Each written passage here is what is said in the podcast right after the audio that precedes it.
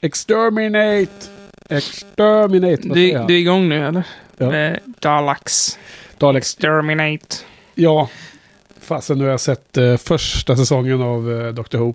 Inspirerad av allas eh, tips om Doctor Who från eh, The Slayer Club så eh, tog jag chansen nu när vi hade en, en eh, liten paus här i eh, Ja. Buffy. Jag ser ju även att eh, det ser lite annorlunda ut bakom dig. Kommer du parallelltitta Roswell eller? Ja, Roswell fick också tip- tips från eh, vår, vår, eh, en av våra intervjuoffer, Camilla, som var så härlig. Och hon var ju superentusiastisk över Roswell. Nej, jävla Camille alltså. Ja, hon sådde denna, detta frö i huvudet. Men det var faktiskt också min kompis Patrik. Denna, eh, han som eventuellt finns nere i Göteborg. Ja. Nej, jag tänkte mer på att jag har en beef med Camille för att hon... Ja, ja, ja, just det. Ja. Precis, nu måste vi snappa upp så här. Då. Jag, eh, den kopplingen, absolut ja. Hon som eh, var på, på min sida, Ja, om man säger så. på fel sida. Ja, Dark side. och Dark Side. Nej, men eh, Doctor Who första säsongen var väl eh, ganska dålig. Ja, det var ju ganska länge sedan jag såg den. Men Ja. eh, ja alltså det. den är ju ojämn kvalitet om man säger så. Ja, serien. alltså tala om att eh, första säsongen har jag också hört från flera säkra källor att den är svagaste. Och att eh, jag tror att, som jag förstod också lite när jag snackade med en kompis om eh, Dr. Who, att när de återstartade serien så försökte de väl både uppfylla de gamla fansens önskemål att få precis samma sak som hade varit tidigare på vad är det, 60, 70, 80-talen när, när den nu gick då. Mm. Alla de här säsongerna först då. Och sen ville de ju samtidigt göra något nytt av det hela. Och jag har hört att eh, första säsongen får man bara ta sig igenom helt enkelt. Ja. Jag har inte skrivit om det ännu på min eh, filmblogg, Ja. men jag, jag ska skriva upp något lite kort där. Nej, alltså, en av anledningarna till att jag också eh, verkligen var sugen på att se Doctor Who, oavsett vad olika folk tipsar om det, både på festen och sen tidigare, det är ju att eh, det är ju Steven Moffat som eh, har skrivit en del material och, och numera nu på senare tid eh, showrunner. Och han har ju, ligger bakom eh, Sherlock då, den här tv-serien som jag tycker är riktigt nice. Och, och även då, vad heter han nu då? Gatniss, Mark Gatniss tror han heter. Som är med och skriver Sherlock och dessutom är med och spelar i Sherlock-serien. Spelar ju My- Mycroft där då. Med risk för att eh, alienera resten av våra lyssnare. Ja. Eh, börja med Camilla Säg och sen resten. nu. Men jag är inte så jätteförtjust i varken Sherlock eller Doctor Who. Nej! Annars får jag göra sånt där tecken till dig. Nu får jag, jag ge dig det arga ögat. Ska jag ta den stränga minen som Willow ger ibland. Jag gillar ju att, att prata film i början av Ja, du introt. gör ju det. Det- Ja, du har ju velat ha det hela tiden. Ja, nej men jag har, såg två filmer. Ja. Eh, och, och så kände jag att typ allt, allt jag, alltså jag ser inte så mycket film längre, men jag ser mest tv-serier. Men det känns som att allt jag ser, kan, numera kan jag koppla till eh, Buffy på något sätt. Ja. Det känns som att allt liksom kommer från Buffy. Alltså det är eh, knäppt. Men är. Cloverfield är ju eh, den första Cloverfield. Det är Den Drew, första, ja. Drew Goddard 2008 ja. ja, som har skrivit. Drew Goddard som har skrivit. ja. Och såg uppföljaren då som är, den, den är ju in, Drew Goddard som är som co-producer och sånt där. Ja. Så det är väl bara att man, de ska ha hans blessings, men alltså det är men det för ta- tankarna i alla fall till Buffy. Och Batman vs. Superman, det här introt, en- du har inte sett Batman vs. Superman vet jag, men introt där tyckte jag var så jävla coolt. Resten av filmen var skit, men introt var ascoolt för att då, det kändes som eh, avsnittet The Seppo, när man fick se Superman ur Batmans pers- perspektiv och jag bara, Mm. fan det här kommer ju bli en riktigt Ja. grym film alltså, det, om det är så här Buffy-kvalitet. Men det, det, det blev bara skräp ja. av det. Även om den var väldigt snygg och sådär. Men Nej, och jag, sen- jag är inte så överraskad. Jag är inte så... Som jag, jag sa väl det förra gången tror jag, men när Sofia var här, att eh, gillar inte Stålmannen nej, överhuvudtaget. nej, han var ju sämst. Men eh, också Drew Goddard, han är ju showrunner för Daredevil som jag också kollar på. Så att, ja. Ja. man märker De, de Spåren, eh, sprider sig där i branschen lite, men det var den kopplingen eh, du tänkte på eh, när det gäller 10 Cl- eh, Cloverfield Lane. Ja. Var just med hon, hans då. Precis. Men jag Nej, tyckte men- ju den var asbra i alla fall för att jag älskar ju Dan Trachtenberg. Det är typ som... Men har han gjort någonting innan eller? Ja, men det är typ som Kevin Smith.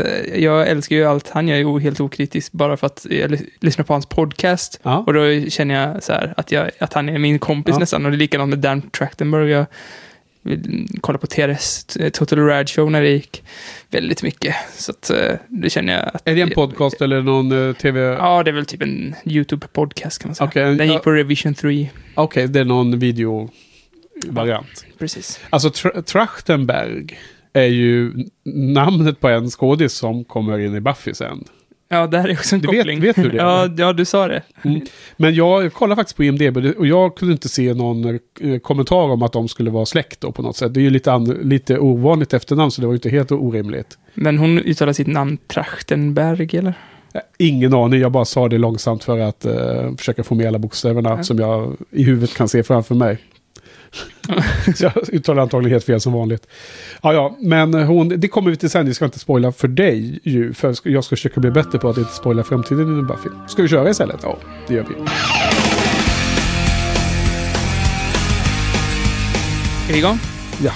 Du lyssnar på avsnitt 17 av Buffy-podden. Varför säger jag alltid Buffy-podden? Oklart. Eh, I det här avsnittet pratar vi om eh, fyra avsnitt. Eh, avsnitt 17 på säsong 3 heter Enemies. 18 Earshot. 19 Choices. 20 The Prom. Ja. Förra avsnittet så hade vi besök av Sofia. I det här avsnittet har vi, är det bara vi två. ja, det är härligt med lite variation. Och eh, det var jättekul att ha med Sofia som gäst på podden. Ja, jag, jag, alltså jag blev lite nervös för att, för det första så blev det så jäkla långt och för det andra så kände jag att jag inte riktigt levererade. Men då är det tur att man har en riktigt påläst Ja. eh, tjej med sig som, eh, som höjde kvaliteten på avsnittet. Ja, verkligen roligt att eh, ha med Sofia. eh, Dels rent generellt sett och allmänt givetvis, men också för att hon hade haft det här filmtemat eller projektet på sin blogg om vampyrfilmerna då givetvis. Mm. Så att eh, hon hade ju, och dessutom så, det hade hon nog nämnt någon gång för länge sedan, men, men jag hade ju helt glömt av det då. Men hon har ju tagit någon kurs också om va- vampyrer i eh, populärkultur eller vad det var, om det var i böcker och film. Va? Ja, hon var nästan lite överkvalificerad för den här podden. Ja, precis. Ja, men det var ju eh, såklart, eh, oavsett egentligen, men eh, hon är ju väldigt eh, akademisk i sitt, vad heter det, angreppspunkt, på, eh, ska man säga, på sitt eh, ang angreppssätt när det gäller alla filmer och böcker och så hon läser. Men det var ju superkul att få ha med detta i podden, så att om det är någon som lyssnar nu och som kommit in och är nya lyssnare till eh, Buffy-podden så är ni hemskt välkomna och gå, gå tillbaka och lyssna på avsnitt 16 om ni vill höra våran, eh, våran vän vampyrexperten Sofia. Ja, Mm. man får inte bara ta del av hennes lärdom här liksom audiellt, utan hon skriver ju väldigt bra kommentarer och i, ja, våran inbox i, Ja. på webben är ju liksom full. Och hon är inte ensam, hon har ju även, Carl och Jennifer är väl två eh, flitiga kom kommentatörer, eller vad man säger. Ja, som ger Kommenterare. på, våra, Ja, på våran eh, webbsida buffypodden.se. Och man kan gå in och, och kommentera alla våra podcastavsnitt. Vad hade vi i inboxen den här senaste veckan då? Jo, eh, Sofia öppnar ju upp med att, eh, som hon ha, har börjat med att skriva en kommentar per eh, serieepisod då, som vi behandlar. Så att eh, det blir olika trådar per, per episod, vilket är Ja. ganska kul. Och när det gäller Deceppo så eh, pratar ju lite Sofia om eh, the standoff som eh, Sander gör med Jack där i slutet när de står över den här bomben som tickar ner. Och eh, mm.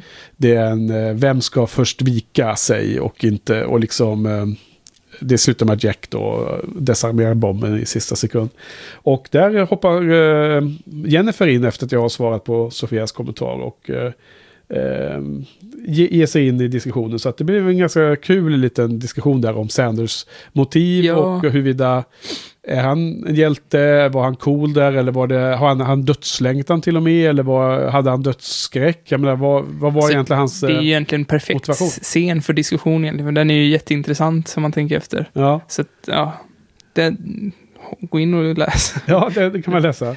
Och ja, det finns mer här i... eh, Men var det det här, eh, var det förra som, för jag, jag tänkte på en grej, att, eh, var det för, diskuterade vi det förra avsnittet till och med, där med Jennifer, hon är, är ju från USA. Ja, och eh,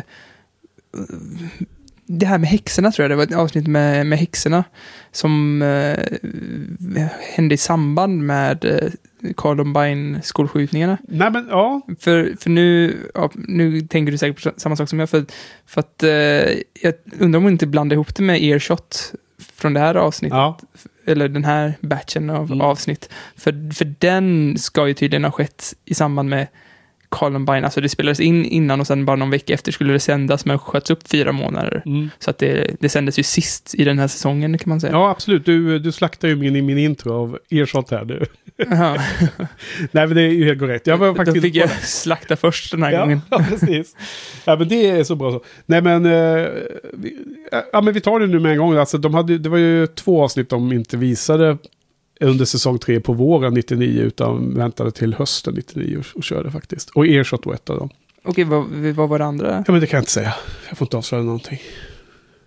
Ja, skitsamma. Du ser förvånad ut. Ja, ja, ja men, men eh, det, alltså det känns ju, ja det kan vi ta sen, men det kändes som, som ett avsnitt som det var okej att skjuta på. Det var ju inget Nej, jätteviktigt som hände där. precis. Nej, och det var också ganska tydligt med, med eh, Jonathan som, som var uppe i ett torn med ett eh, skjutvapen och så, att det var väldigt tydligt. Kunde ju få en att tänka på eh, Columbine, Colorado. Men eh, jag tror att det har kommenterats vid något annat tillfälle, ja. Eh, men åter till senaste veckans skörd då, så är vi ju...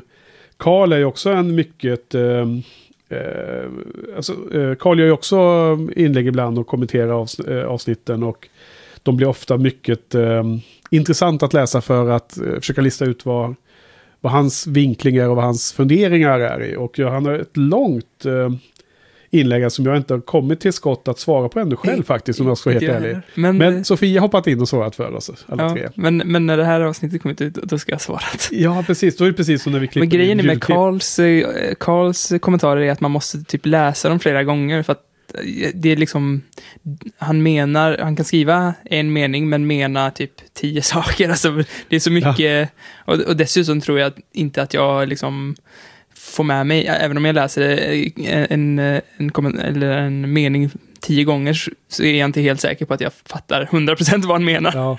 Nej, men eh, det är kul att läsa Karls kommentarer för att det är också... Man utmanas att försöka förstå vilka syftningar som man gör. eh, Referera till vissa saker som, som man måste känna till i, från allmän eh, kunskap om allt möjligt. Ja. Kan användas som eh, eh, en slags referens eller som ett slags eh, talesätt eller vad man nu ska kalla det. Som man, om man kopplar det korrekt så förstår man vad, vad han menar med sin mening. Men för- förstår man inte vad, vad kopplingen är då, då betyder det ingenting. Så jag har Nej. också faktiskt, här, vänta nu, vad är det här betyder egentligen? ja, nej, men eh, Sofia hade hoppat in och svarat eh, där, så det var ju jätteskönt. Så, Ja. så det gav oss lite extra Ja, Det är betänketid. fan två, två smarta personer som eh, battlar med varandra. Det är, Mm. det är roligt att se. Det är bra. Ja, så där finns det en del rot att läsa om. Och det var förra avsnittet då. då. Eh, Is He Evil som vi döpte det till efter eh, den underbara scenen när eh, Wesley Wyndham Price introduceras för första gången för Buffy. Den nya watchen som hon har. Ska vi gå vidare? Ja, ska vi gå vidare? Ska vi gå vidare? Ska vi det? So you couldn't give him that one moment of true happiness. I was thinking more along the lines of a long weekend, but okay. And he spurned your advances. So be it. It's one, one way to skin a cat. And I happen to know that's factually true. We want to take Angel's soul away. If we can't do it by giving him happiness, well, by golly, we'll just have to do it in the most painful way imaginable.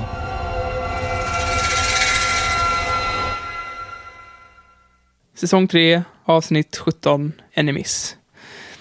När eh, Faith inte lyckas få Angel i, i säng, för att hon vill ju vända eh, honom till den... eller hon vill göra honom själlös. Då blir Faith och borgmästaren tvungna till att vända sig till lite mörkare krafter. Eh, Vad de inte räknat med då är ju att de här mörka krafterna är en eh, shaman som eh, Mr. Giles introducerat hans nuvarande introdu- han har introducerat honom för hans nuvarande fru, Ja. den här schaman- schamanen. Så att han har ju, Men den här beduinmannen som kunde försvinna in i skuggan. ja, det var någon slags ninja-schaman där. Ja. Så, Cool som att var. ja, han var rätt cool. han borde vara med mer. Mm. Men, eh, alltså han har ju en, eller, han är skyldig eh, Giles and Solid, om Ja. man ska säga.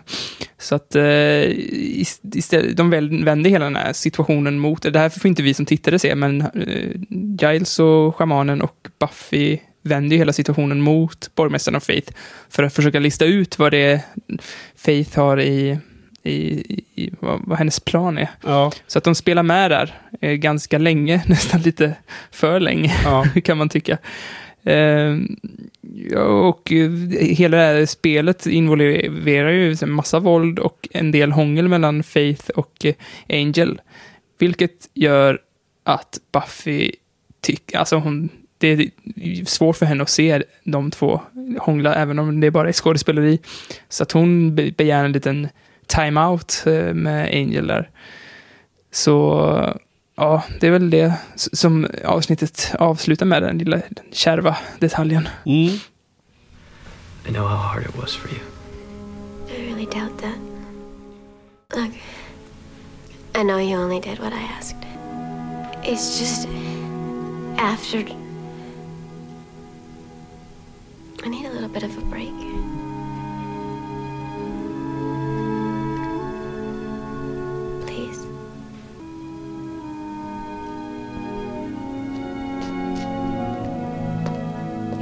Girl. Always. Nej, men Enemies, jag tyckte att det var ganska bra. Eh, men först, först då när, när eh, hela planen är ju tydligt, eh, ganska tidigt tydligt att de ska ju försöka få ta bort Angels själ igen då. då. Och eh, så tror man att de lyckas då med den här magiken. Eh, och det är det som är själva twisten i slutet. Att Ja. egentligen så har ju Angel hela tiden eh, bara spelat då att han har förlorat sin själ. Och så har de gjort det för att kunna få en eh, få ut eh, information från Faith när hon då eh, tror att Angel är ond. I never knew you had so much rage in you. What can I say? I'm the world's best actor. Second best.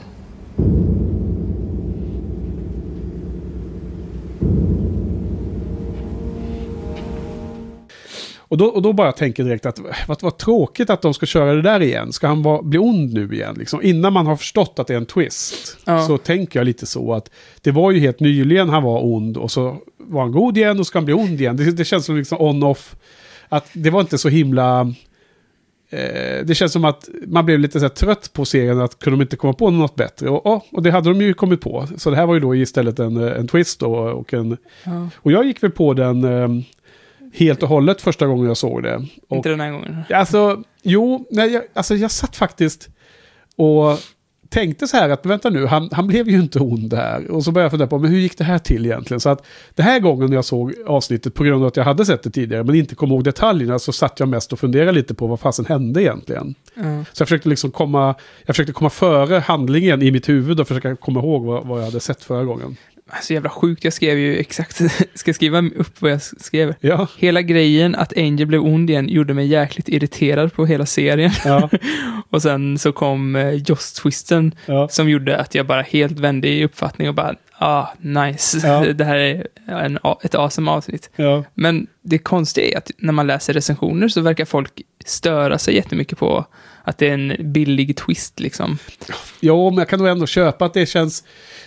Jag, jag, jag, tycker inte att det är en sensationell twist, men jag, jag, välkomnar den väldigt mycket när den kom. Ja. När twisten dyker upp så välkomnar jag den för att jag tyckte att det var ännu... Det var så tråkigt om de bara hade gått tillbaka så att han skulle bli ond igen så här helt Ja, plötsligt. jag är lite nyfiken på vad jag skulle tycka om jag såg om det här avsnittet eftersom Ja, det, sk- det skulle kunna gå åt båda hållen, att man börjar upptäcka plot holes, ja. eller att man märker sig detaljer, så bara just det, det- var därför de gjorde så här, för att de vet ju om ja. det här. Alltså det är ju ett... Du, du pratar om plot holes nu och det är intressant för att det är verkligen ett avsnitt där det händer handling ganska mycket. Och de avsnitten har jag märkt, om jag nu pratar för min egen del, att jag är mer...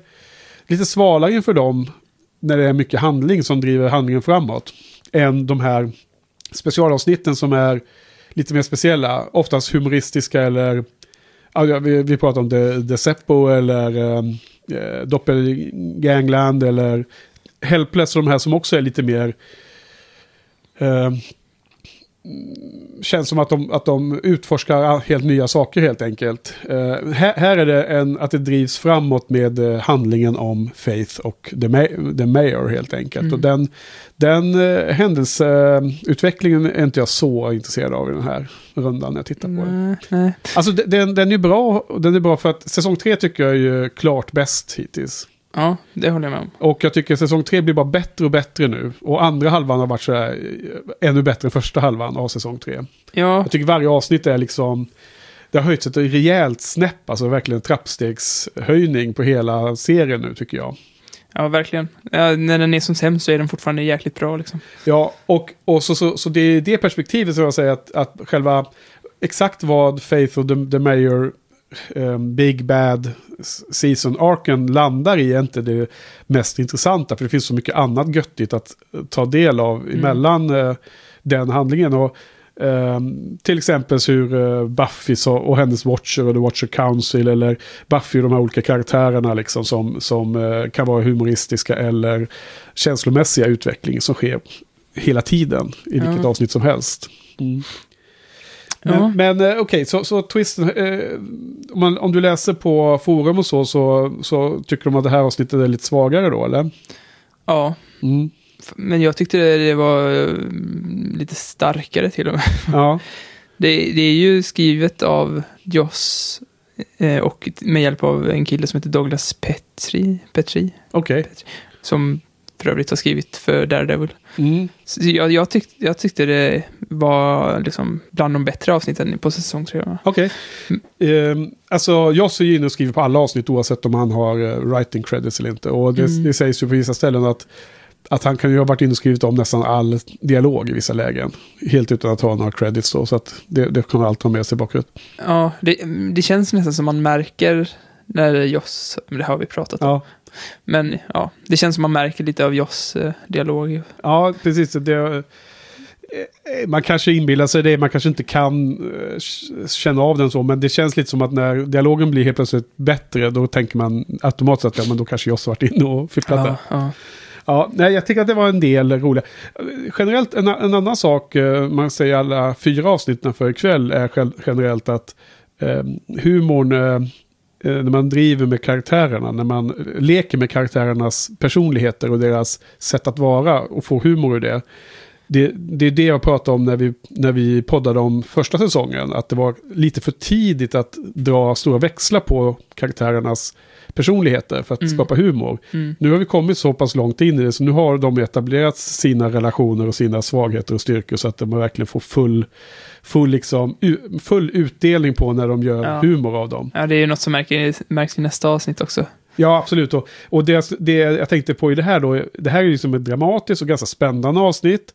Men det, man får in det här liksom att Sander är så förbannad, eller har, har så länge varit förbannad på Angel. För här, här är ju Sander li- liksom i sitt esse där när han, när Angel har blivit Angelus, tror, tror man då va. Och, och, och tydligen har de inte in, då kan de inte ha berättat om den här eh, twist. De har inte berättat om den här jag har hemlisen. funderat på vilka som var in on it, men Ja. tydligen inte Sander. Sander är, för han kom ju så här, I told, I told you so. Eller han säger så här, I uh, hate to spoil the mood, but this is so much worse than you think. Xander, what happened to you? You know how some people hate to say I told you so? Not me. I told you so. Angel's back in the really bad sense. And, um, I told you so. För han är så himla nöjd över att Angel har blivit ond igen. Ja, men det var så en jävla skön scen när Angel bara boxade till Ja, och Sander som flög åt skogen. exakt. Det, där kan man verkligen se att, att där tar han i lite extra än vad det var som behövs Angel. Att få chansen. Alltså att, eh, det, det är väldigt oklart. Alla var inte inne på den, eh, på den hemlisen.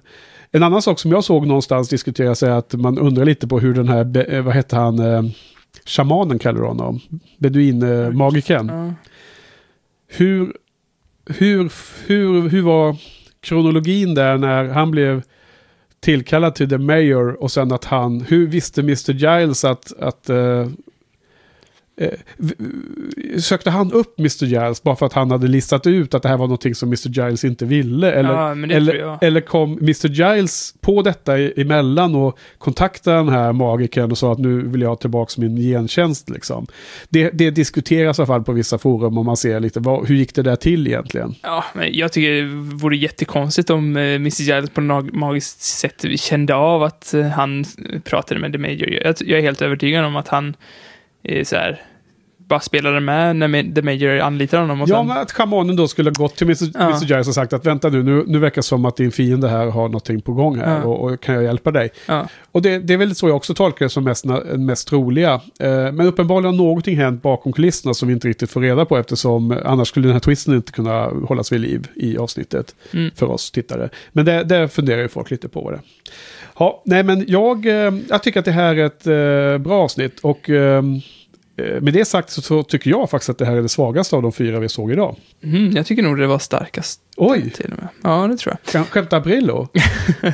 Men jag, jag tror att eh, det svaga, det, det jag stör mig på genom alla de här avsnitten, men i det här framförallt, är den jävla borgmästaren. Jag fattar inte grejen med honom. Jag stör är mig på honom. bra. Den den jävla mint pastillscenen, det kändes som typ Jönssonligan-nivå. Nej, men så kan du Eller säga. inget mot Jönssonligan, men alltså det kändes som en låg nivå. Ja. Jo, så kan du självklart säga. Men jag förstår faktiskt inte riktigt att du inte eh, roas av den här ehm, eh, figuren.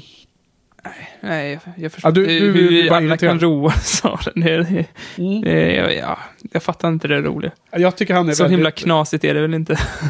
Alltså de, de, de, eh, det spelas upp sen de här eh, speglingen med fader-dotter-relationer, Mr. Giles Buffy. Var det här avsnittet? Nej, men senare än de här fyra. Ja. Och sen är det liksom The Mayor och eh, Faith då, då som är liksom motpolerna. Då. Och jag tycker att det, det blir, desto mer han är med, desto roligare är han tycker jag nästan. Eh, Det liksom. får man väl hoppas. Ja. Nej, men jag hoppas inte att det ens kommer vara ett nytt störmoment den där. Men ja, vi får väl se. Eh, men Eh, ja, fortsätt. eh, jag, jag, om vi ska avrunda nu kanske? Nej, jag skulle bara säga, då har jag en sak till om, eller om du hade någon sista. För jag har, har en till kommentar som jag såg i mina anteckningar jag gärna vill lyfta. Ja, jag tänkte på när att de gick på bio i början där. Ja, de det var såg någon scen. i erotisk film liksom. Ja. Well, Well, that was very artistic. yeah. Wasn't what I expected. Nah, I'd never actually seen. Well, we, from the title, I thought it was about food. Well, there was food. Right, the the, the scene with the food. Och det blir, de har lite snack där efter bion Ja. om att Angel inte behöver snusk. Liksom. Han, han är nöjd med kärlek. Eller vad man Ja. ska säga. Platonisk kärlek. Ja, men alltså det, Vilket självbedrägeri. ja, men, det är väl okej att han känner så som har levt i 300 år eller vad det är. Att Ja. han börjar tr- tröttna på det bara 200. kötsliga drifterna. Men 30. Buffy, hon är ju för fan en tonåring. Ska hon bara... Ja. Hon ska, ska väl Ja. inte behöva stå ut med att inte få snuska. Men vad fan. Ja, hon får nöja sig Och- med Mr. Men Point det, där och det, och det, och det, tar de inte ens upp liksom. Så jävla... Ja. Ja, indirekt så tar de upp det senare i avsnitten här ju. Men inte just den här scenen. Nej, Nej. nej, men jag tyckte det var den scenen som var lite små irriterande. Jaha, Ja, jag, jag trodde du skulle ta upp det för det, dess eh, humor. Jag tyckte att det var så himla rolig. När de kom ut där var helt störda av att de hade gått, gått på en helt fel film då. Tyckte de ju båda i någon mening. Eftersom den hade varit mycket mer explicit när det gäller Jag tyckte nog det var köttets lustar. roligare när de var ute och, och slaktade vampyrer. Och är kommer det vara så här när jag är 50 och du är lika gammal som du är nu? Ja, ja Jag tyckte, precis. Ehm, nej, Never take me places. ja. Men också hela den här snuskgrejen. Det- Min teori om att, att, jag hade ju någon teori när So- Sofia var här om att det inte var själva snusket som gjorde honom lycklig, utan att det var det som snusket representerat. Eller att man, Sexet jag. Ja, precis. Sexet kanske man ska säga. Ja. Eh, att man eh, eh, la så mycket tillit på någon annan människa. Ja, men, öppna, öppna upp sig. ja, och känna- precis. Att, att det Kärleken betyder egentligen. något. Liksom. Men det här, det verkar ju som att Faith bara kunde hoppa på honom så, så blev han lycklig. Nej, men det, han blev ju inte det heller för det första. Nej, men han snuskade ju inte med henne eller så. Eller Nej. sexade med henne. Eller, Men det var ju inte heller, eh, han ville ju inte det, men, men frågan var ju, det var ju obesvarat huruvida, om hon hade haft sex med honom, hade han då förlorat sin själ? Det, det var ju uppenbarligen hennes plan, hennes plan Mm. nummer ett ju, eller hennes och The Mayors första plan. Det lyckades inte för att han ville inte, men vad hade hänt om de hade hamnat i säng och han hade varit liksom inte speciellt intresserad, han bara gjort det som en one night stand men inte haft sina fulla känslor. hjärta där. Ja, sitt hjärta bakom sin handling. Jag vet Ja. faktiskt inte. Jag tror att det är en intressant diskussion att uh, fundera på när det gäller... eh, ja, det kanske är så att det inte hade hänt något. Det är Alltså det, mytosen där runt exakt hur den där eh, för, förbannelsen över han och hans själ fungerar. Det, det vet jag inte, men det kanske finns det, finns det eh, kunniga Buffy-veteraner eh, eh, som har läst på all teori om eh, Buffy och så får gärna skriva in en kommentar på vår eh, hemsida om detta. För jag vet inte helt enkelt exakt vad som Nej, hänt. det- jag tyckte bara det kändes som att showen ville ge skenet av att gör de det här så eh, förlorar han själen. Absolut, det var ju det det spelas upp för. Men frågan är vad hade hänt där och så. Och vi får ju aldrig riktigt Men om reda, reda på det. manusförfattarna har bestämt sig för det så blir det väl så. Ja, precis. Nej, men eh, då kommer vi in på det som jag hade kvar och skulle nämna som gällde det här avsnittet faktiskt. Det är just eh, Angel och Faiths scen där, speciellt när, de, när hon ska förföra honom och de här grejerna. Och Faith generellt sett, för jag känner lite att jag tycker att hon är det svagaste kortet i, i bland skådespelarna. Ja, hon och Boreanas, de är sämst.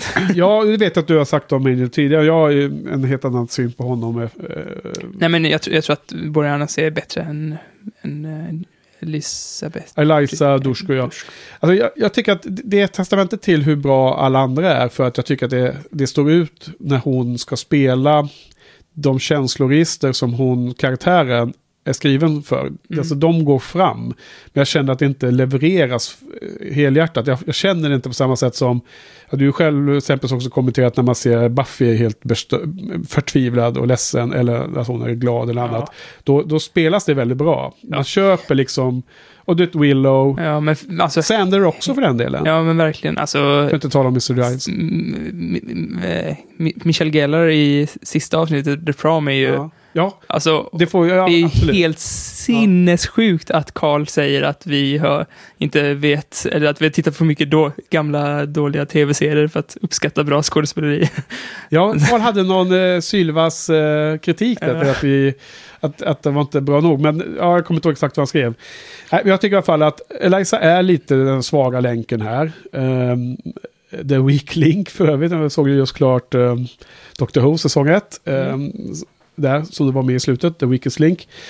Eh, och jag tycker att det syns väldigt tydligt i det här avsnittet Enemy som gör att det kanske är lite svagare i mina ögon av de andra. Men om vi nu ska dra våra betyg då och avsluta här. ehm, jag, jag ger det 7 av 10. Jag tycker att det är, det är jättebra betyg för mig Ja. den- på min skala. Och jag tycker att det, och det är ändå det svagaste av de här fyra. Så att 7 av 10 säger jag. Jag ger det också sju. Ja, så jättebra. Alltså fan vad vi har synkat nu. Nej, det var, ja, precis. var med, vi hade ex, Ja. Min punk, första punkt var nästan exakt identisk med din första punkt. Ja. Sen sista betyget, exakt identiskt.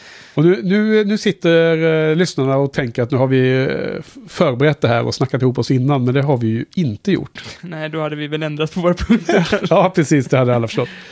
Okej, vad säger du? Ska vi gå vidare till nästa avsnitt? What? It says it can infect the host. Infect? Infect? Giles. Infect? Oh, um, in- infect the host with an aspect of the demon. That's what it says. An aspect of the demon? It is rather terse, isn't it? You mean like a part of it? Avsnitt 18 i säsong 3 heter Earshot och det är skrivet av Jane Espenson. Eh, Vilket är lite kul. Hon är ju bra. Och det var alltså det här avsnittet som eh, eh, sköts upp då. Att, som inte visades där våren 99 på grund av skolskjutningarna i Columbine High School.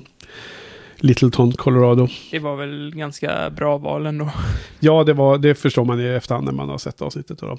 Och det här är ett... Eh, det avsnittet är eh, något av ett Monster of the Week. Det är en liten avstickare. Eh, och, men man, man tar full nytta av att, man nu, att vi tittare nu känner karaktärerna väldigt väl. Med, med komisk effekt. Så i en sån här nattlig eh, patrullering så Eh, blir, eh, får Buffy lite blod av en demon på sig. Och hon får då som de säger i, i, i serien här, en aspect of the demon kommer. Får hon i sig så att säga. Och helt plötsligt kan hon höra folks eh, tankar. Hon har blivit telepatisk. Och det första hon tänker på är att hon då vill eh, kolla upp vad, vad, vad, Angel egentligen kände för de här grejerna han höll på med med Faith i avsnittet innan. Hon, hon vill liksom kolla av honom där, för hon är inte helt hundra på att han är ärlig då. När han säger att hon, han, han bara spelade med Faith. Och då är det intressant nog så att när hon kommer för att försöka lyssna på hans tankar så får hon ju ingenting. Han, eh, då hör hon ingenting. Så att han, hans eh, va vampyr och demonegenskap gör att precis som att han inte syns i en spegel som man säger så kan hon heller inte läsa hans tankar för övrigt då. Jag undrar vad Sofia skulle säga. Om myt och det, ja, det ja. känns som att det, det, är nog vampyrkanon för att det är både i Twilight och eh, vad var det jag läste? Att True Blood. Ja. Alltså jag har ju sett True Blood men jag kommer inte ihåg det. Men jag Nej. läste det, att det funkar så även där. Okay, att, att okay. man inte kan läsa vampyrers tankar. Ja. För hon, huvudpersonen i True Blood, hon kan ju läsa. Ja, är hon telepatisk? Ja. Okay. ja jag, True Blood har jag inte sett någonting av, men uh, Twilight har jag ju sett två filmer. Mm. Det var för, för eländigt nummer två, så jag gav upp där. Men i alla fall, uh, Buffy kan höra sina kompisar skobisarna med mycket stor humor i, i, avsnittet som resultat av det då. Men hon kan också, hon får också höra att någon tänker en tanke som hon då hör Buffy. Eh, som uttalar att, eh, uttalar att nästa dag ska det ske ett attentat i skolan och massor med elever ska dödas. Och eh, det är det som eh, är utmaningen i veckans Monster of the Week. Att eh, få tag på den här personen som har hotat eller som har tänkt att döda massor med elever.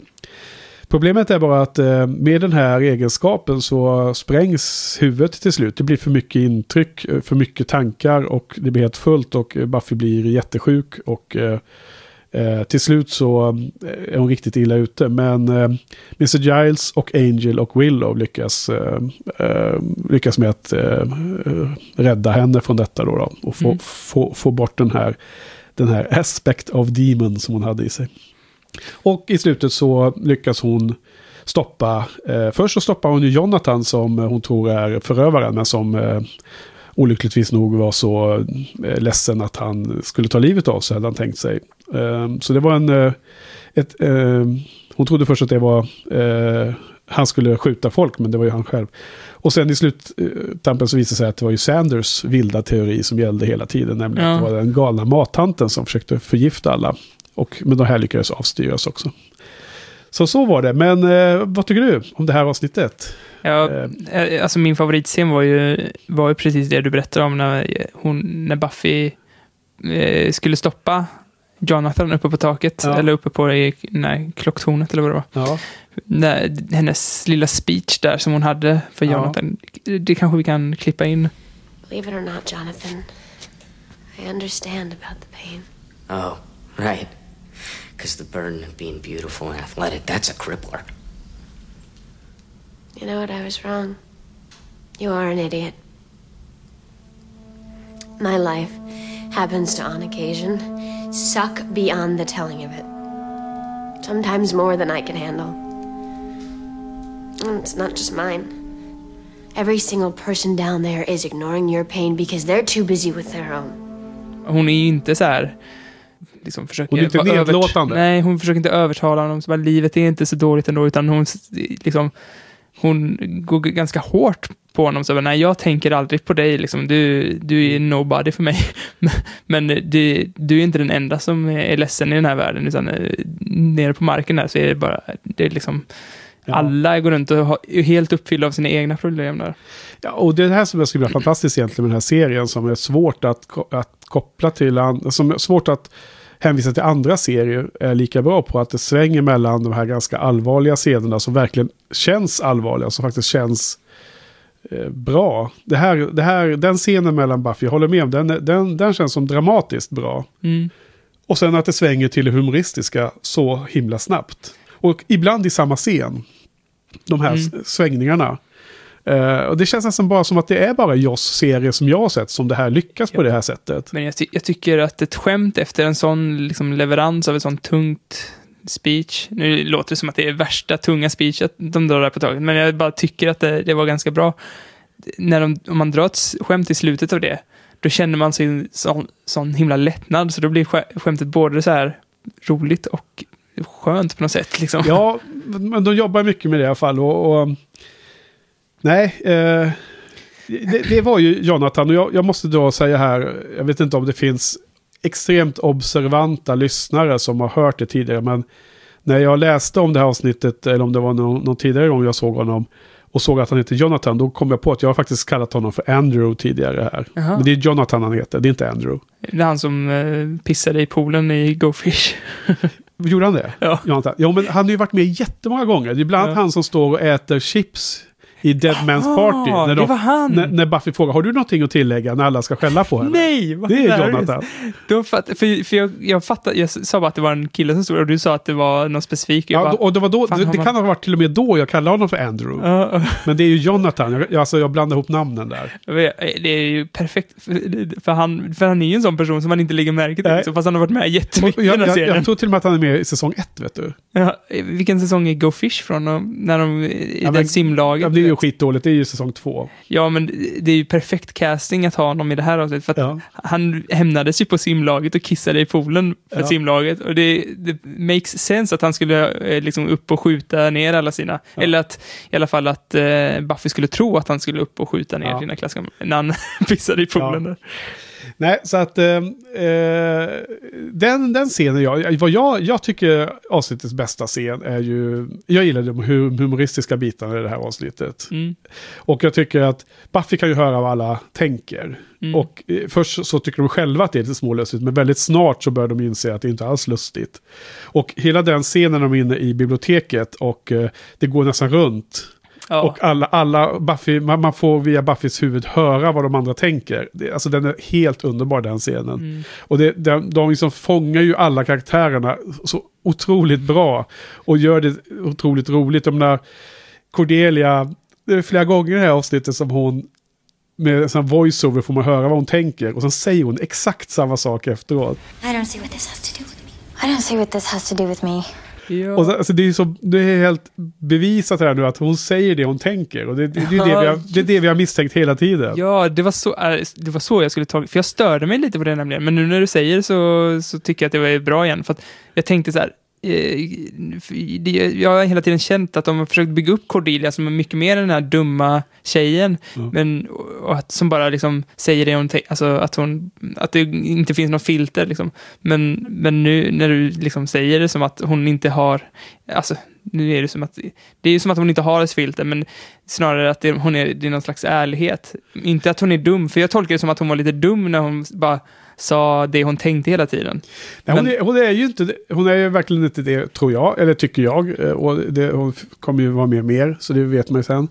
Men, men eh, hon är ju framförallt eh, helt transparent, skulle jag vilja kalla det. Ja. Som ett populärt ord nu för tiden. Alltså helt genomskinlig. Hon, är- hon, hon har inget filter, hon har inte en förställning. Hon förställer sig inte, hon säger precis det som är vad hon tänker på Ja. hela tiden. Och det, Ja, det ju- på det sättet blir hon ju eh, the, the, the sayer of truth i den här serien. Ja. Hon säger ju det hon tänker och, och hon tänker ofta det vi tänker. Så Mm. att jag, jag tycker den karaktären är underbar på det sättet. Ja, men det, nu, alltså, nu lyfter du nog den, för jag störde mig lite på det innan. Men det, det är tur att eh, oss inte säger det han tänker hela tiden. För då, Nej, men oss, oss är också underbart när man får se det. För att vi, har ju, vi vet ju att han är himla smart. Det har framkommit många gånger. Och att han brukar vara väldigt, ha väldigt genomtänkta saker han säger i dialogen med Willow. Det varit när de hade strul med relationer och allt sånt där. Han säger rätt saker. I am my thoughts. If they exist in her, Buffy contains everything that is me, and she becomes me. I cease to exist. hans tankar är ju sjukt komplexa och metafysiska. Liksom. Ja, men han sitter och tänker ganska långt eh, filosofiskt tänk och så så kommer det enda han säger är hmm. Det blir liksom, sammanfattar ju hans karaktär ganska mycket. Det, det som Sander säger i Deceppo. Du, du, du uttrycker dig i korta, koncisa, eh, enstaviga meningar, säger han. Eller något Är, liknande. är han eh, Karl? Ja, ja, man vet inte. Nej, men det, det är så många roliga saker. Eh, Sender tänker såklart på sex. Eh, Wesley, den nya Watchen, tänker såklart på Cordelia. Så han måste gå ut ur rummet. Det, det var också hilarious när han look at Cordelia. No, don't look at Cordelia. Xander has just illustrated something. Chances are you're all going to be thinking whatever you least want Buffy to hear. It's a question, of course, of mental discipline. He's right. Are. Look at Cordelia. No, don't look at Cordelia. She's a student. Oh, I am bad. I'm a bad, bad man. Excuse me. Och så går, sen så går han in i nästa rum och så kommer han tillbaka och undrar hur långt den där telepatiska förmågan funkar. Men eh, det, den är jätterolig den scenen, jag älskar den scenen, den är helt grym. Men det är ju det är dessutom inte det, det är nästan det roligaste, för det roligaste är ju sen när deras gameplan är ju, Buffy ligger hemma och har ont i huvudet, liksom typ håller på att få huvudet att sprängas. Då ska ju alla de andra då, Willow, eh, Sander, Cordelia och oss gå, gå runt och intervjua alla eh, som var där inne när, i, i, det, i kafeterian då när Buffy hörde det här hotet tänkas. Så hon hörde det i sitt huvud.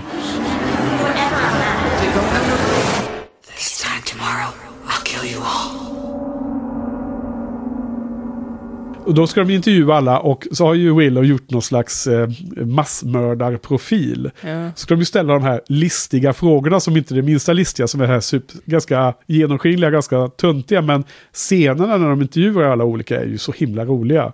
Och hur de, hur de ställer sina frågor och så. Till exempel när Willow förhör, eller ställer frågor, frågar ut eh, Jonathan, är ju bland annat en underbar liten scen. det är också jätteroligt för att hon har ju förhört honom innan. Också i Go Fish tror jag. Jaha. I'll crack him like an egg. Ja, är, Så- är det Hanna? Ja. Nu Ja. kommer jag inte ihåg det riktigt. Jag tror att det var i Go Fish där också. Ja. Men eh, det är Ja, men det är något tillfälle hon får någon jäkla djävul i sig där ja, och hon ska, hon ska köra någon tredjegrads förhör på någon. Ja. Ja. precis.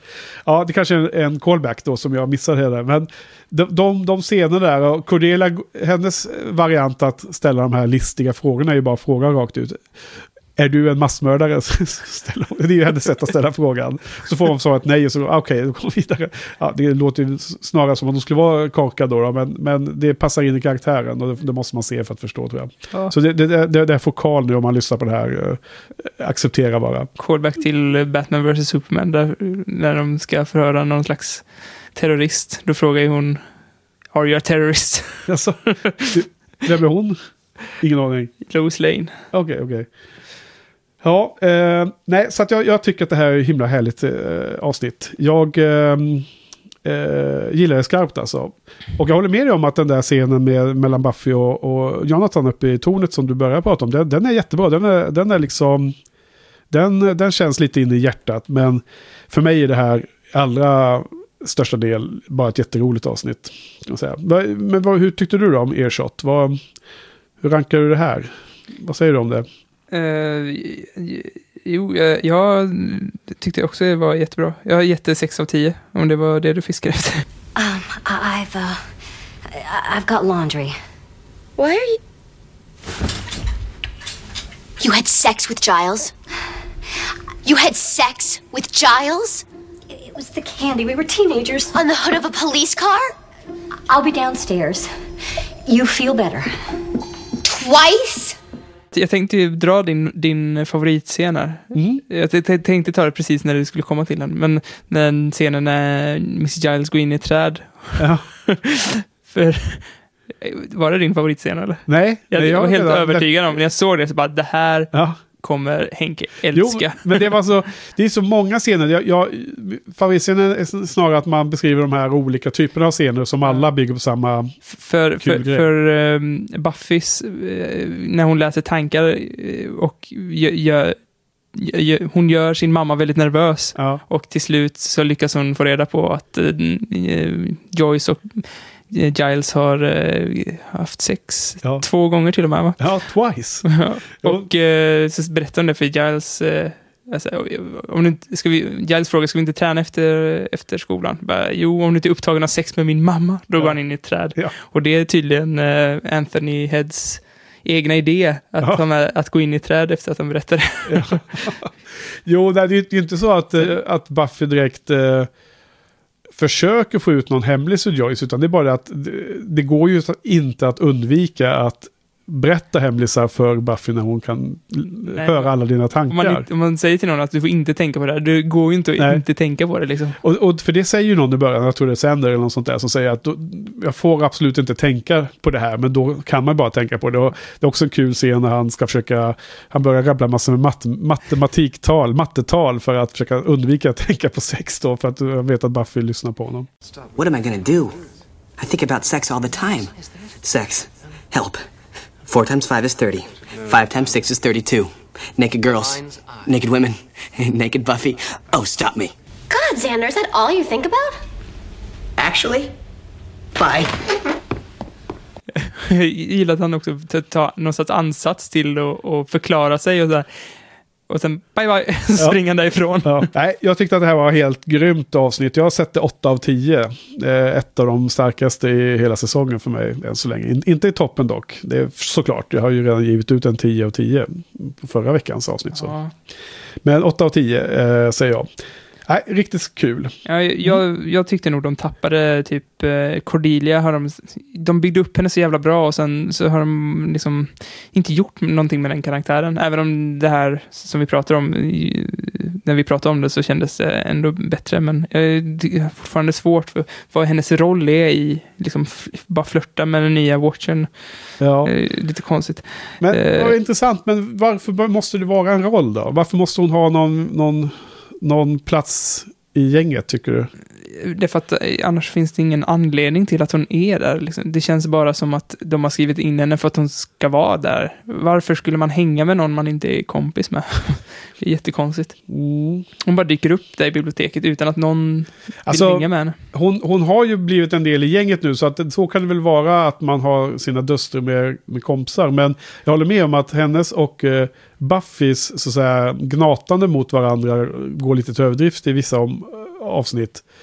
Och då blir det lite så här ologiskt hur, hur de är så...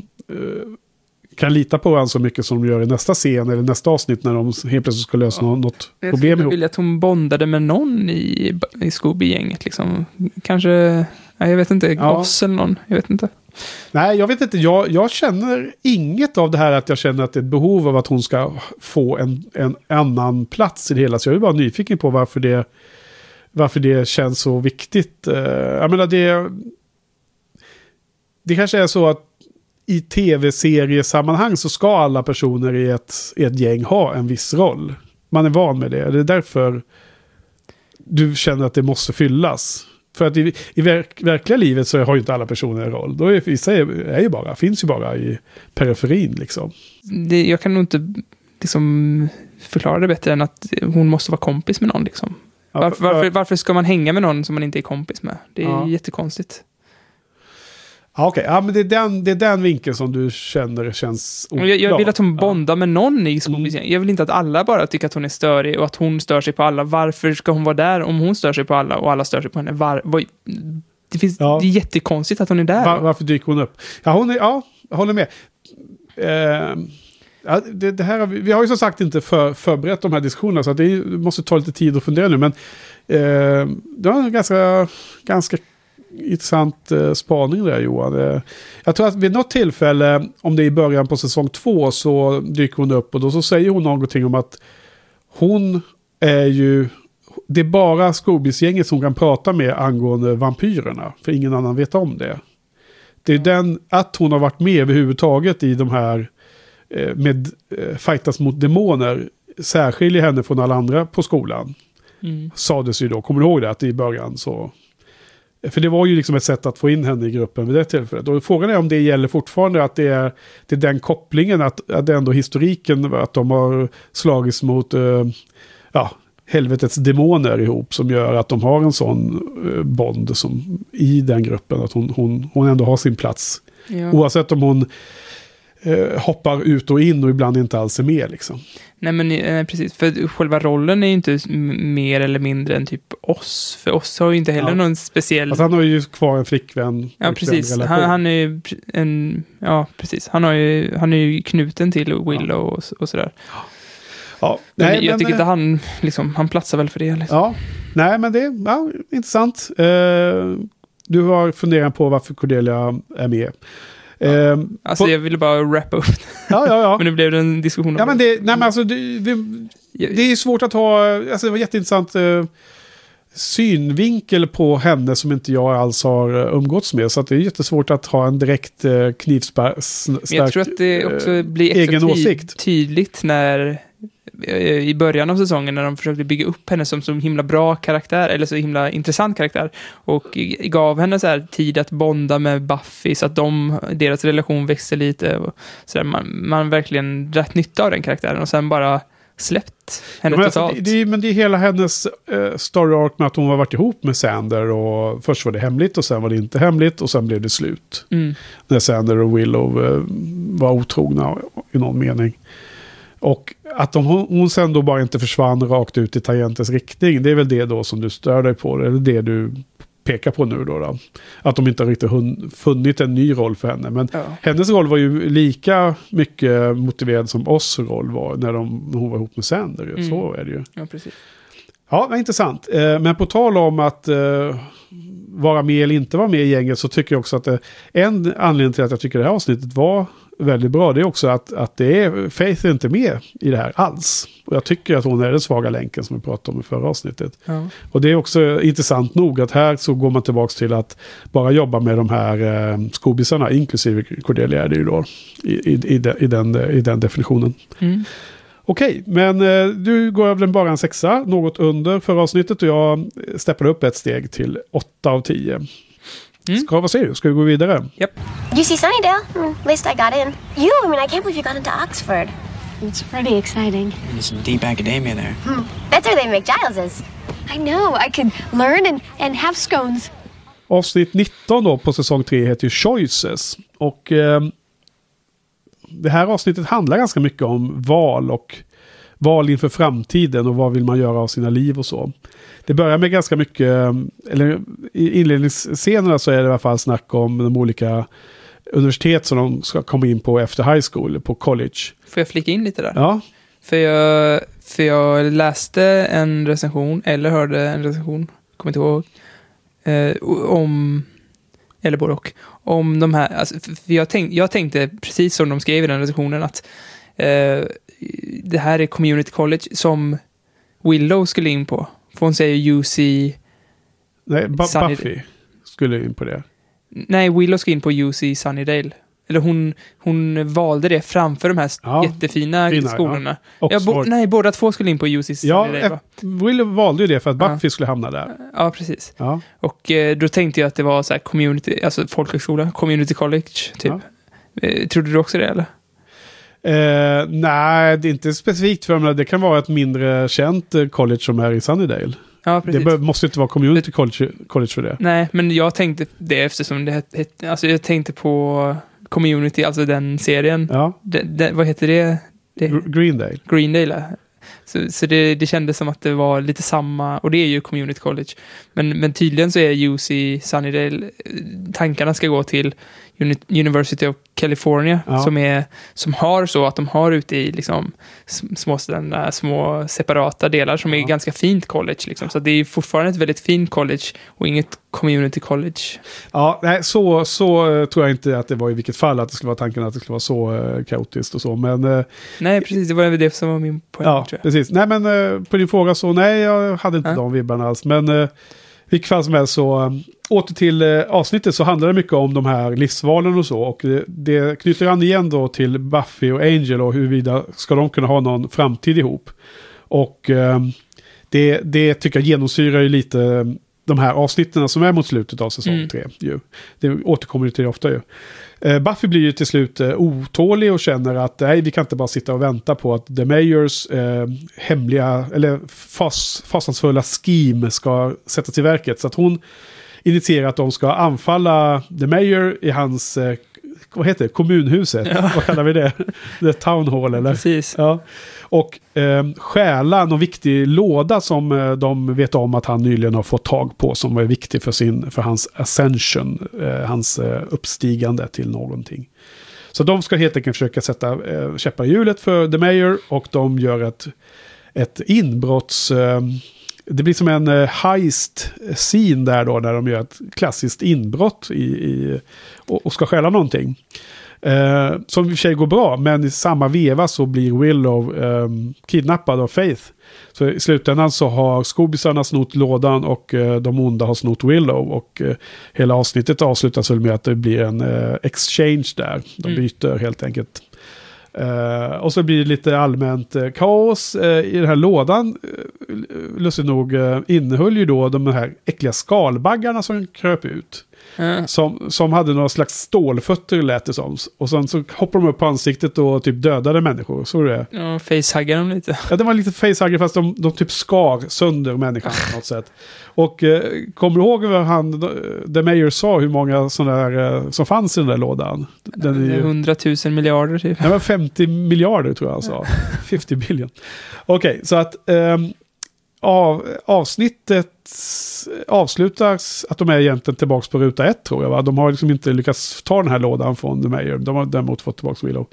Vad som händer lite i sista vevan är också som är viktigt för fortsatt handling är ju att The Mayor tilltalar ju Angel, jag tror att det här avsnittet om jag inte har helt fel, och där han egentligen öppnar ögonen ännu mer för Angel och att påpeka hur orimligt det är att Angel ska kunna ha ett livslångt förhållande med Buffy. Ja. Så han, han sätter ju den liksom, problematiken för han upp och han, han uttalar ju det. Och Angel tror jag suger åt sig av det. Det får vi se i senare avsnitt Mm. faktiskt.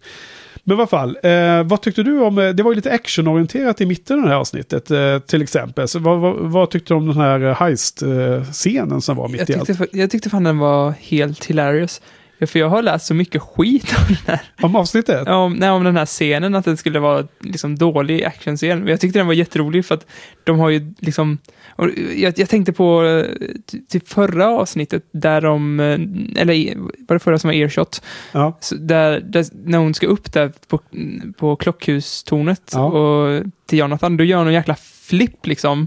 Just det. Och det känns som att eh, Prop Department, eller vad det, vad det heter, som fixar rekvisita, att de har eh, liksom bara tagit eh, den anordningen som de använde, för att det, det var ju typ fly, Flying Daggers-scen när hon hoppar upp där. Alltså det var Ja. lite mot tyngdlagen. Så, Hon är väldigt vig ibland. Ja, hon hoppar, liksom mot tyngdlagen på något sätt. Men den anordningen, att de bara tog den anordningen, så bara det här ska vi ha i den här heist-scenen. Så de byggt upp värsta anordningen där för att klättra ner och ta den här lådan. Och de är ju så jävla kassa för de, den, den liksom kärvar. Och, de har någon vajersystem som Angel ska uh, rodda. Ja, ja, som hon precis. ska flyga ner som en annan, eh, vad heter det? Mission Impossible. Tom Cruise där. Ethan Hunt. Ja, precis. Eh, fast den funkar ju inte, så hon måste hon slå, slåss, slåss istället. Slå sig ut ur knipan. Jag tyckte det var lite roligt. Ja, Jag tycker hela den, den scenen är ganska bra faktiskt. Och, och den, är ju, den är ju trots allt, ja den är bra. Men den, i slutändan så är den bara en build-up till att eh, Willow blir kidnappad och fångatagen där inne i kommunhuset. Och det är egentligen de scenerna med Willow och hennes standoff mot Faith som är eh, serie, eller så är avsnittets, eh, episodens höjdpunkt egentligen. Ja. Jag tycker Willow är klockren Jag här har i det här också avsnittet. läst skit om, eller jag hörde det i en podcast. Att det, att Vadå, de, gillar de inte Willows standoff? Nej, för att hon tyckte att det var dumt att hon, eh, att hon började tjafsa med Faith. Nej. För att eh, hon, hon vet att, att det är farligt, liksom, att Faith är farlig och dödar liksom, människor. Ja. Så, ja, Ja, men alltså det är lustigt för att Willow är ju, har ju hela tiden haft en eh, aura runt sig att vara lite vek och lite försiktig och lite eh, och icke den eh, Ja, tuffaste av också gänget. väldigt fascinerad av fara. Jag tyckte det passade jättebra den där scenen, för att, för att vi vet ju att hon här, när hon skulle ha den här spellen med eh, den här demonen, när hon skulle hitta sitt, sitt, sitt Mm. Då bara, "Men är det farligt? Hon vill ju så här bara, så, in, in, Ja, men då, där var det ju för att hon gjorde revolt mot att hon eh, kallas för Old Re- Reliable också. Ja. Men Men alltså, hon, hon är ju, absolut, för det tillhör ju hennes personlighet att vara Absolut. fascinerad av det här farliga liksom. Jag var inte bara fascinerad för att eh, min, min poäng var just att när det väl smäller till så har, har hon ju värsta backbone ju. Hon Ja. är ju super eh, stark i, de, i de scenerna och det finns flera tillfällen och genom det vi har sett hittills redan där hon liksom står upp mycket mer än förväntat. Så att Ja. det här är liksom en, en utveckling av att eh, visa oss hur, hur, hur eh, hur stark hon är när hon sats, utsätts för de här Ja, men också vis... värsta situationerna. Gör hennes personlighet lite mer komplex. För, för hon får ju inte bara, hon tar ju inte bara chansen och försöker fly, utan när hon väl liksom tagit sig ur det där rummet hon är inlåst i så flyr hon ju inte ut därifrån utan hon går ju raka vägen in på borgmästarens kontor och börjar rota bland hans böcker och grejer där. Så att Ja, ju, det var en scen som jag tyckte var väldigt konstig, måste jag säga. Men eh, det, hade, det blev det så. Hon, hon blev fångad av The Lure. Hon blev in... Hon blev så sugen på att hitta dem. Hon såg de här viktiga böckerna som de hade jagat Ja. i tidigare avsnitt. Vad de hette. The Book of... Ascension? Ja, det var, det var väl de. De gamla böcker, fem volymer. Nej, men jag tycker i alla fall hon, hon utvecklas i det här avsnittet och jag tycker att hon är, visar gång på gång att hon har en backbone som är eh, eh, jättebra att den där karaktären har. För det, det är liksom så himla...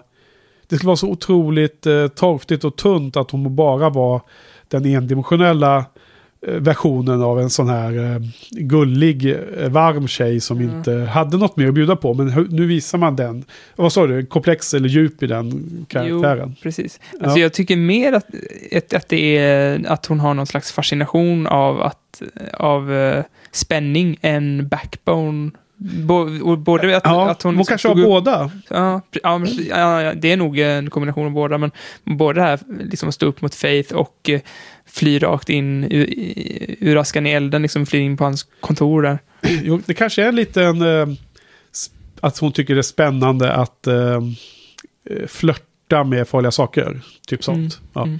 Men när hon står där mot Faith och Faith hotar henne med tortyr i princip. Och, och hon... Eh, eh, Faith spelar på den här... Eh, som hon har kört hela säsong tre, att det är så synd om henne och hon har inga kompisar och hon har fått klara sig själv. Och, och hon, kör, hon kör den här snyftstoryn mot Willow och Willow bara liksom bara klipper henne, nu har jag inte skrivit upp det citatet, men eh, liksom säger att eh, du är bara en kass person. Du är Mm. bara helt värdelös liksom. I, rakt i facet på henne, rakt upp och ner liksom. Och, och Faith har till och med en ganska brutalt stor kniv ju. som hon har fått av The Mayor då. Där deras eh, fader och dotterrelation blir mer och mer tydlig för tittarna. Hur, hur, den, hur den spelas upp och, de, och den, eh, den eh, speglingen mot eh, Mr. Giles och eh, Buffy. Ju. Ja. Eh, men jag, jag, jag tycker i alla fall att för mig är det väldigt tydligt att Willow har den här backbone, även om hon också har den fascinationen som du är inne på. Och jag tror också att eh, när vi i en tidigare avsnitt, alltså uh, Doppelgangland, när Angel eh, svarar på det här faktum att vampyrer blir ju visst likt så som de är som människor. Och sen hejdar han sig för att han håller på att avslöja sig för mycket. Mm. Det säger han och vi ser ju vilken badass Willow är som eh, vampyr. Mm. Han säger ju det i samband med att, att han, han, han, han eh, erkänner ju att liksom människor, va, va, vampyrerna drar ju av den mänskliga karaktären. Och hon är värsta badass som va, va, vampyr. Ja. Så någonting måste du säga där. Det är ju cool, det är coolt att se att folks uppfattning av Willow speglas av hennes egna uppfattning av sig själv. För att Ja. hon ser ju sig själv som en blyg tjej som läser böcker. Ja. Och då ser ju andra, fast hon är ju inte det. Hon, är ju, hon har ju backbone och hon är ju fascinerad av fara så.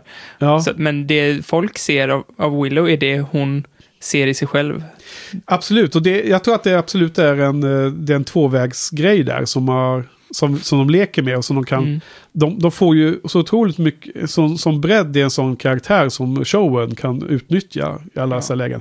För jag menar som, som Vampyr Willow, Dels så sitter hon ju och gör upp öppen eld på Angels bröst. På bara huden liksom. Bara, bara för att det är kul. Bara för hon kan. Och dels i en annat avsnitt sen då i, i eh, Doppelgangland så när hon, hon sitter och bryter av fingrarna på den här eh, värsta busen för att hon ska få hela vampyrpacket då och, och bli, bli härskare över dem eller liksom bli deras ledare. Och där har jag för mig, om jag inte helt missminner mig, att han har ju redan gett med sig efter typ två fingrar, men hon bryter ju ett till bara för det är kul också. Alltså. Ja, för han, han, han går ju med på att hon är, hon är liksom boss nu då. Och sen så tar hon ju ett till då bara för att. Alla fall, okej, det, det var en bit i det hela. Sen så, ehm, eh, nu har jag en annan eh, sak jag såg här. Jag tycker också att, igen, eh, genomgående för alla dessa fyra avsnitten som gör att de blir så himla bra i mina ögon allihopa. Det är att trots att det här också är ett actionorienterat och ganska i, i sin natur spännande avsnitt så är det ju en del otroligt roliga scener. Och de får in den här humorn helt söm, sömlöst, alltså helt seamless eh, på engelska. Det, det, det, är inte så att de bryter av stämningen och gör en grej av det, utan det kommer bara in, men det bara flyter på. Jag menar, till exempel när de ska inleda det här, bara som jag tar ett exempel nu, när de ska inleda det här anfallet mot eh, kommunhuset. Så eh, Wesley då, han är ju så, så stiff och fyrkantig, så han vill ju eh, synkronisera klockorna. Och sen som, som given på en signal så har både Buffy och Willow sträckt upp sina vänsterhänder och visat att de har inga klockor. Ju.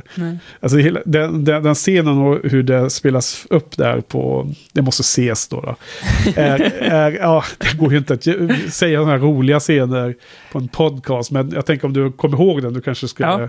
Ja, jag skrattade inombords. Ja, du skrattade in. ja men jag, jag skrattade högt här i rummet när jag såg det här avsnittet nu senast. Jag spolade ja. tillbaka och såg om det faktiskt till mig. Så sådana små roliga scener, oavsett hur svårt det är att, att äh, äh, återberätta dem på en podcast, äh, gör ju att sådana här avsnitt växer, tycker jag. Det blir flerdimensionellt, hela episoden. Ja, ja, men det är också, vi pratar om Willow, alltså när, när hon skryter om det, hur hon läxade upp Faith, det var ju också ja. så här, ja, Jätteroligt. Ja, men precis. Men det är också det här som vi var inne på, som jag tycker bevisar lite min tes där, att när hon är, står mitt emot Faith, då är hon ju i mina ögon badass. So now you know too much and that kind of just naturally leads to killing. Faith, wait. I want to talk to you. Oh yeah, give me the speech again, please. Faith, we're still your friends. We can help you. It's not too late. It's way too late. You know, it didn't have to be this way. But you made your choice. I know you had a tough life. I know that some people think you had a lot of bad breaks. Well, boo hoo! Poor you. You know, you had a lot more in your life than, than some people. I mean, you had friends like Buffy. Now you have no one. Hey, You were Slayer, and now you're nothing. You're just a big, selfish, worthless waste. Sen när hon kommer till sina kompisar och är tillbaka till säkerheten, då faller hon tillbaka till den här eh, fluffiga mm. jaget. Då spelar hon ju upp den versionen av sig ju. Så det är lite intressant. Ja, men det är, det är lite samma princip som Sander. Nu har jag inte tänkt igenom den här teorin, men, men han är ju också, han är ju också en jävla... Han är inte fluffig, men han, hans grej är väl att vara en fuck-up, liksom. Att han ställer till det ja. och är el, o, oprovocerat elak, eller vad man ska säga. Men när det väl gäller, då är han, ger han liksom 100 procent och är där för, för alla liksom och, och, kan ta ett bombhot till och med. ja, och det är väl den utveckling vi hoppas att han ska gå liksom. Och jag tror till och med i nästa avsnitt så vi får se att hans hjärta är på rätt plats också. Ja, I, i samma, sammanhang med eh, Cordelia och en viss klänning. Eh, en annan sak som jag tyckte som var faktiskt en liten eh, referens Johan till eh, mandomsprovet som vi haft en gång tidigare. Mm. Det var ju i slutet av det här avsnittet så eh, gjorde de ett litet efterspel med eh, efter att The Mayor hade egentligen uttalat det här problemet att Angel kan inte, och Buffy kan inte vara ihop ju, som ett vanligt par. Och det kommer aldrig funka, det kommer aldrig gå. Eh, det är liksom... Han, han, han, han, han, Mayor är ju själv odödlig, har ju själv levt flera hundra år. För de hittade ett gammalt foto på honom när han var där när Sunnydale var nystartat på 1800-talet, något mm. liknande. Och han, han kommenterar ju till och med det Mayor att hans första fru, eh, det blev inget bra, för när hon var gammal och skrynklig så var han fortfarande ung och såg ung ut. Det var precis som du vet i, i Highlander, du vet mm. eh, Conor McLeod när han eh, gifte sig där på gammal tid i den där filmen. Så han blir ju, hans fru blir gammal och dör och han är fortfarande ung. Och de, de är ju eh, hänvisade till det. Så att Angel får en, en tankeställare. Och sen i slutet av det här avsnittet så tror jag att Angel och Buffy kommenterar någonting om att ja, men det är bara skitsnack och vi kan visst eh, vara ihop och vi kan leva och sådär. Då säger de i ord att de ska visst klara av det. Men sen ser man en sån där scen när de ligger i en soffa och sådär. Jag tror att Buffy ligger liksom mot bröstet på på eh, Angel och de, de liksom typ lig, halvligger i en soffa. Så ser man hur båda som tittar bort i skyn och ser så här väldigt tveksamma ut. Mm. Precis som det är, du vet, när ja. kameran hänger kvar i slutet på mandomsprovet. Ja. När eh, han, Dustin Hoffman och hon, eh, eh, vad fan heter hon nu då? Ja, hon som spelar sig igen. Får, får den där konstiga minen efter att de, du vet, så här, tveksamt undrar, jaha, hur blir det nu då liksom? Ja. vad händer nu? Och det var ganska likt filmat här, så att det måste vara en eh, blinkning till den. Ja. Jo, det, eh, jag vet inte ifall det är en blinkning till det, men det är ju väldigt bra. Det blir väldigt scen. likt i alla fall. Ja, bra, bra scen. Ja. Nej, så eh, ja, har du något mer intressant? Jag, jag, jag är lite trött på deras förhållande tror jag. Ja, men vad bra. Då är vi perfekt inför nästa avsnitt då. Du menar Angel och Buffy nu? Ja, men jag, jag, Jag tycker att det är ganska klargjort att det här kommer ju aldrig funka. Det vet, Nej. fattar man ju nu. men vi, vi kanske kan, vi kan... Eller jag kan ta lite nu, men, men jag, jag tycker att det här...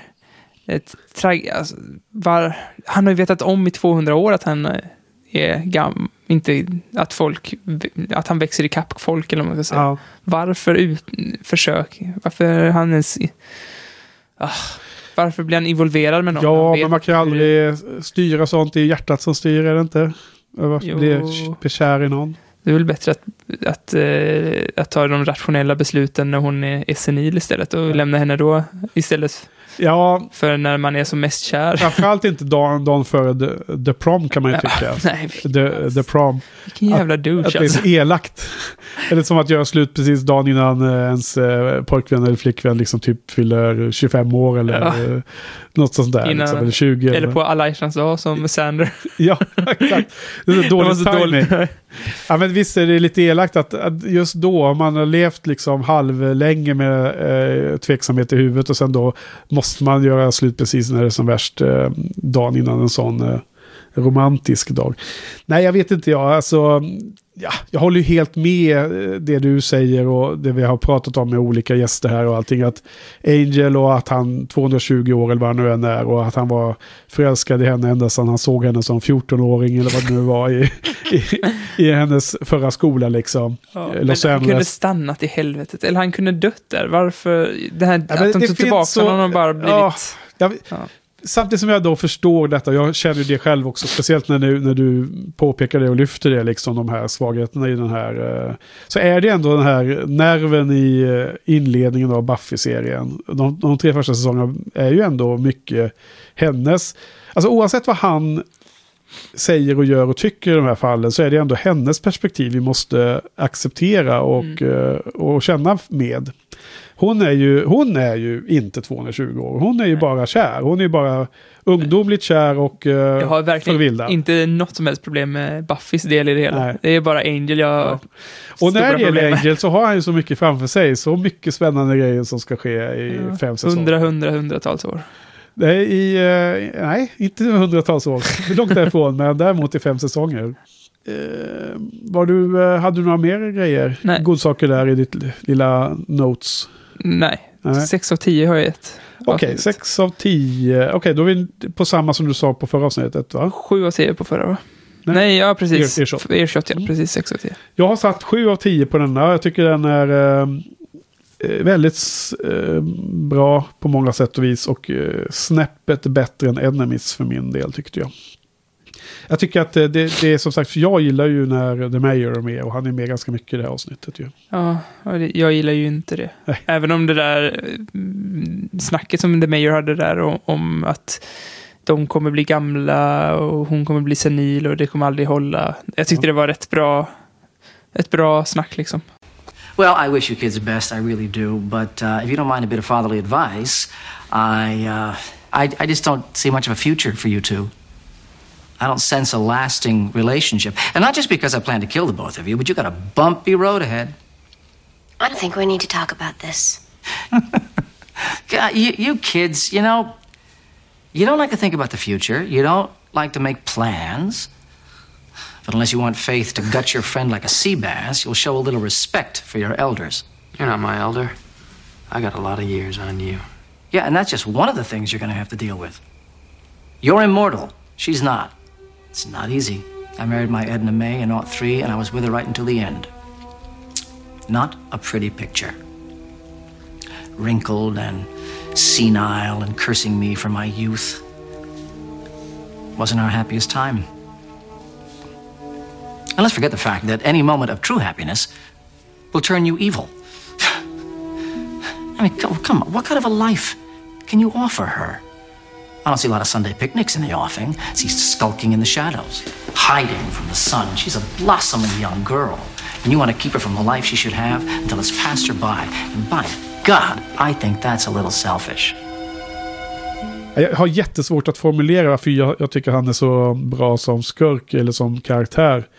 Men det är ju någonting i hans maner. Det är hans, hela hans eh, stil och hans eh, oberäknelighet och hans eh, lättsamma konversation som hela tiden antyder någon så här total galen person bakom ytan. Som jag ändå tycker är ganska härlig. Det, alltså jag skulle nästan vilja säga att det finns vissa delar i hans, eller det finns ganska mycket i hans persona som påminner om de bästa James Bond-skurkarna. Uh, detta är inte heller helt genomtänkt innan, men låt säga, ja men exempel som Drax, Hugo Drax från um, Moonraker. Mm. Som är liksom konverserare, superartig, bjuder på te och cucumber sandwiches och allt möjligt. Men sen så man vet hela tiden att han är helt eh, maniac bakom fasaden. Det finns likheter, det finns andra, massor med andra Bondskurkar som jag tror också man skulle kunna dra lite paralleller med. Det är bara, nu, nu körde jag bara, ja. sköt från höften. Jag, jag, jag, tror att jag känner att de har tagit det, det här trevliga alldeles för långt. Liksom att, att man där är vi inte crazy som gör honom så här trevlig fast ja. han är ond och, och liksom inte ger honom något som helst djup alls. Han blir bara Ja. Han blir bara den här personen som har den här gimmicken att vara trevlig liksom. Ja. Men jag, jag, kan inte riktigt, få, alltså jag bara stör mig på honom. Ja. Okay. Ja, nej, jag, jag, jag tar in honom med öppna armar och då gör man det har man liksom en eh, den inställningen, då, är, då levererar han bra. Men klart, om man stör sig på, på om man stör sig på se showen så att det blir som en meta analys på att ni, nu har ni gått ett steg för långt, då kan jag förstå att man kan hamna i en återvändsgränd med honom och inte riktigt gillar den stilen. Ja, men jag tycker att alla karaktärer är så jäkla djupa. Ja, men, jag, jag vet till och med... Nej, men alla Big Bads har, varit, har haft större djup än ja. den här Big Baden, ja. tycker jag. Ja. ja, med det så får vi eh, lämna detta, så ska vi gå vidare till mm. nästa. Det gör vi. No. You guys are gonna have a prom. The kind of prom that everyone should have. I'm gonna give you all a nice, fun, normal evening if I have to kill every single person on the face of the earth to do it. Yay? Ja, det 20 av, eller episoden av säsong 3 heter The Prom. Och eh, jag ska dra eh, lite kort handlingen på det också här idag. Och det här är det eh, fjärde och sista avsnittet vi ska diskutera just nu. Och eh, jo, det här, eh, den här episoden eh, handlar nästan uteslutande om det här med Buffy och Angel och huruvida de kan vara ihop längre. Det som det har byggts upp eh, under flera avsnitt här nu, den här diskussionen. Så att både eh, The Mayor, och men även, jag tror, jag tror att det var förra avsnittet faktiskt, som Joyce söker upp Angel och liksom eh, säger till honom att eh, det funkar inte, ni kan inte ha det här förhållandet. Och ja, hon pratar massor med honom. Så att Angel har på något sätt eh, kommit till eh, insikt och eh, det spelas ju lite som att han gör det för hennes skull och så också. Han, han, han gör, gör, slut med, med Buffy för, för Buffys skull. Och han säger att eh, det är beslut nu och om vi överlever The Ascension. Om vi överlever eh, eh, Graduation Day när The Mayor ska göra sin grej så kommer han lämna Sunny Och eh, så, det, så här är ju ganska känslosamt avsnitt. Buffy blir ju jätteledsen. Hon blir ju helt heartbroken. Samtidigt så ger hon sig attan på att nu ska alla hennes klasskompisar då som är seniorer, seniors på, på high school få ha sin eh, fest. Och för samtidigt har det också funnits ett, eh, det finns ett hot där då, det är några absurda hellhounds eller något liknande. Några mm. Eh, så här demonhundar som eh, många också, som hon tar hand om helt själv då medan alla kompisarna eh, preparerar sig med klänningar och vad heter det, eh, smoking up och, och, black tie eller vad de kallar det på engelska. Så hon lyckas eh, avstyra de här Hellhounds och det blir en sån stor fest då. då. Och Sen är ju slutet på det här avsnittet väldigt eh, bra, väldigt känslosamt. Alltså dels så eh, till allas eh, förvåning så får ju Buffy ett eh, pris av sina medstudenter för bästa protector eller vad de kallar det. Eh, de, helt plötsligt så, för, för det har ju varit en, en, också en liksom under, underliggande tema i alla de tre första säsongerna att ingen som vet att Buffy är the, the Slayer, att hon, allt hon gör för att skydda folket i Sunnydale. Men det har ändå liksom sipprat igenom så att hon får ju ett pris av sina eh, klasskompisar och hon blir ju väldigt berörd av det. Nå någon som kommenterar att den här eh, årskullen har det lägsta mortality rate genom historien. Minst antal döda. Det är så lustigt för att skoltidningen i Sunnydale High School har ju en helsida med dödsannonser i varje, i varje som någon kommenterar i något avsnitt att det är det första de läser hela tiden. Och eh, Angel dyker till slut upp för en sista dans då, då eh, också. Så att Buffy får ändå en ganska okej eh, avslutningsfest. Ja, ja, det var ungefär avsnittet. Jag... Eh... Grät du någon gång under avsnittet Johan? Nej, men, men det... Alltså, jag tycker... Jonathans tal i slutet. Det var ju så dåligt, men det var samtidigt så jäkla klockrent på något sätt. Ja. Det var ju verkligen så här att du, vi vet inte vad du har gjort, men eh, du dyker alltid upp när det kommer monster och vår mortality raten har gått ner. Så, ja. så att eh, den scenen, den var väl den som var mest gråtig. Alltså, den, den är så himla... Den är så överdrivet eh, cheesy. Den är, den är, showen måste ju ha... De, de, de, de, eh, de drar ju på med alla, på alla cylindrar. Så det, de gör det ju inte för att de tror att det här är Alltså de förstår ju att det är överdrivet också tror jag. Ja, absolut. Men den berör ju en så mycket ändå. Alltså, trots att man samtidigt som man vet, förstår att det här är bara cheesy. Ja. Så jag blir helt tårögd liksom. Ja. Och det rinner ju över kanten, det går inte att hindra liksom. Ja, hon får ett fult litet paraply liksom. Det, ja, ett litet det... paraply, precis som eh, Kaylee har i, eh, i Firefly. Ja, just det. Så, paraply? Paraply-referens där mellan serierna. Ja. Jag, jag blir helt, alltså det, det, gick inte att hindra och det är en ensam liten tår. Men ändå så är det liksom, det är inte att man känner sig jätteberörd, men det, det finns någonting i hur de spelar upp den här scenen som gjorde att det, det bara så rinner till. Ja. Jättekonstigt. Ja, men för jag kände det också, det var, det var så här, liksom Pixar moment. Ja. att de har ju också en förmåga att bara hitta hit, man så här, ja, återberättar en scen. till exempel. Och man återberättar en scen så är så här, ja men det låter inte så himla... Nej. Men att de får det liksom att bli så, en sån tearjerker på något sätt. Det finns flera filmer från Pixar som är sådana. Ja men inte minst den senaste nu, Inside ja, Out. men de är experter på att vrida ut tårar på något sätt. Ja, grät du på Inside Out också eller? Det, alltså jag brukar inte gråta, gråta. Nej, det var alltså länge inte sedan. böla och hulka och, och, och, så, men alltså att det, Nej, men, alltså, det blir dammigt i rummet och det man... När man känner man, att man det får, är på väg liksom. Ja. jo, absolut. Det, det, är mycket möjligt. Pixar-filmer är, är som sagt, det är de som de är experter. Ja. Kanske inte enligt den perfekta filmen, men, ja. vi, men de har vi, inget vi hjärta heller. Skita i vad de säger för fel. Du får annonsera när de säger några, några rätta åsikter någon gång istället. Jag tror det är enklare att ja, kommer... lyfta upp de, de få gångerna. Ja, då, då blir det inte så mycket referenser till det. ja. Eh, men sen lustigt nog för att egentligen så finns det en annan scen som jag, jag, jag tycker... Det, kommer inga, det, det, det, blir inte några tårfyllda ögon men det blir mycket, mycket, känns mycket mer i maggropen. Och det är ju när liksom eh, Buffy kommer in till slut på festen och hennes ögonkontakt med Mr. Giles. Jättekort när hon gör entré. Det, det är så mycket som sägs mellan dem i de här korta ögon, alltså blickarna. Mm. Och som är så otroligt starkt tycker jag, för det visar på hur, pass, hur deras relation är och hur, hur långt de har kommit till det, liksom hur tajt de är. Man ser att hon säger typ med sina ögon att alla några hellhounds är uh, taken care of, det gick bra, nu är vi här, nu ska vi ha fest och han liksom nickar och hon kollar runt, vad händer här och han liksom himlar lite med ögonen eller vad han nu gör liksom. Mm. Alltså det, det, det, finns så mycket där och jag, jag, det här kommer jag ihåg, jag kommer ihåg känslan av det här mer än jag kommer ihåg hur det spelades upp från tio år tillbaks. Mm. Så jag visste att det var, var det här avsnittet. Och jag drabbades i, i, precis på samma sätt en gång till. Mm. Trots att jag var förberedd på. Och observera, alltså, det, var inte, det var inte att jag kom ihåg scenen. För jag, jag visste inte riktigt när det, hur det såg ut och hur det, när det skulle komma. Men så fort det skedde så bara eh, återbesökte precis samma känsloregister inuti. Och då, då, då gick det jättefort att komma ihåg den från tio år tillbaka. Mm. Det var precis som man kände en doft och så fick man ett minne. Ja. Du vet om man går in i ett rum och så doftar det någonting och så kan man... Ja, men det kändes verkligen som en skolavslutningsavsnitt. Eh, avsnitt, liksom, för att det, det var det här vemodet. Man, och hon säger ju, vi kanske har sagt hej då till våra klasskompisar, men då hon säger hej då till Angel då. Och hon Ja. säger ju hej då till klasskompisarna också, liksom, men, men det, Scoobisarna kommer ju antar jag fortsätta hänga. Jag vet inte ifall Sanders ska iväg på någon roadtrip kanske. Jag har snackat mycket om någon roadtrip där också, det har jag inget minne av.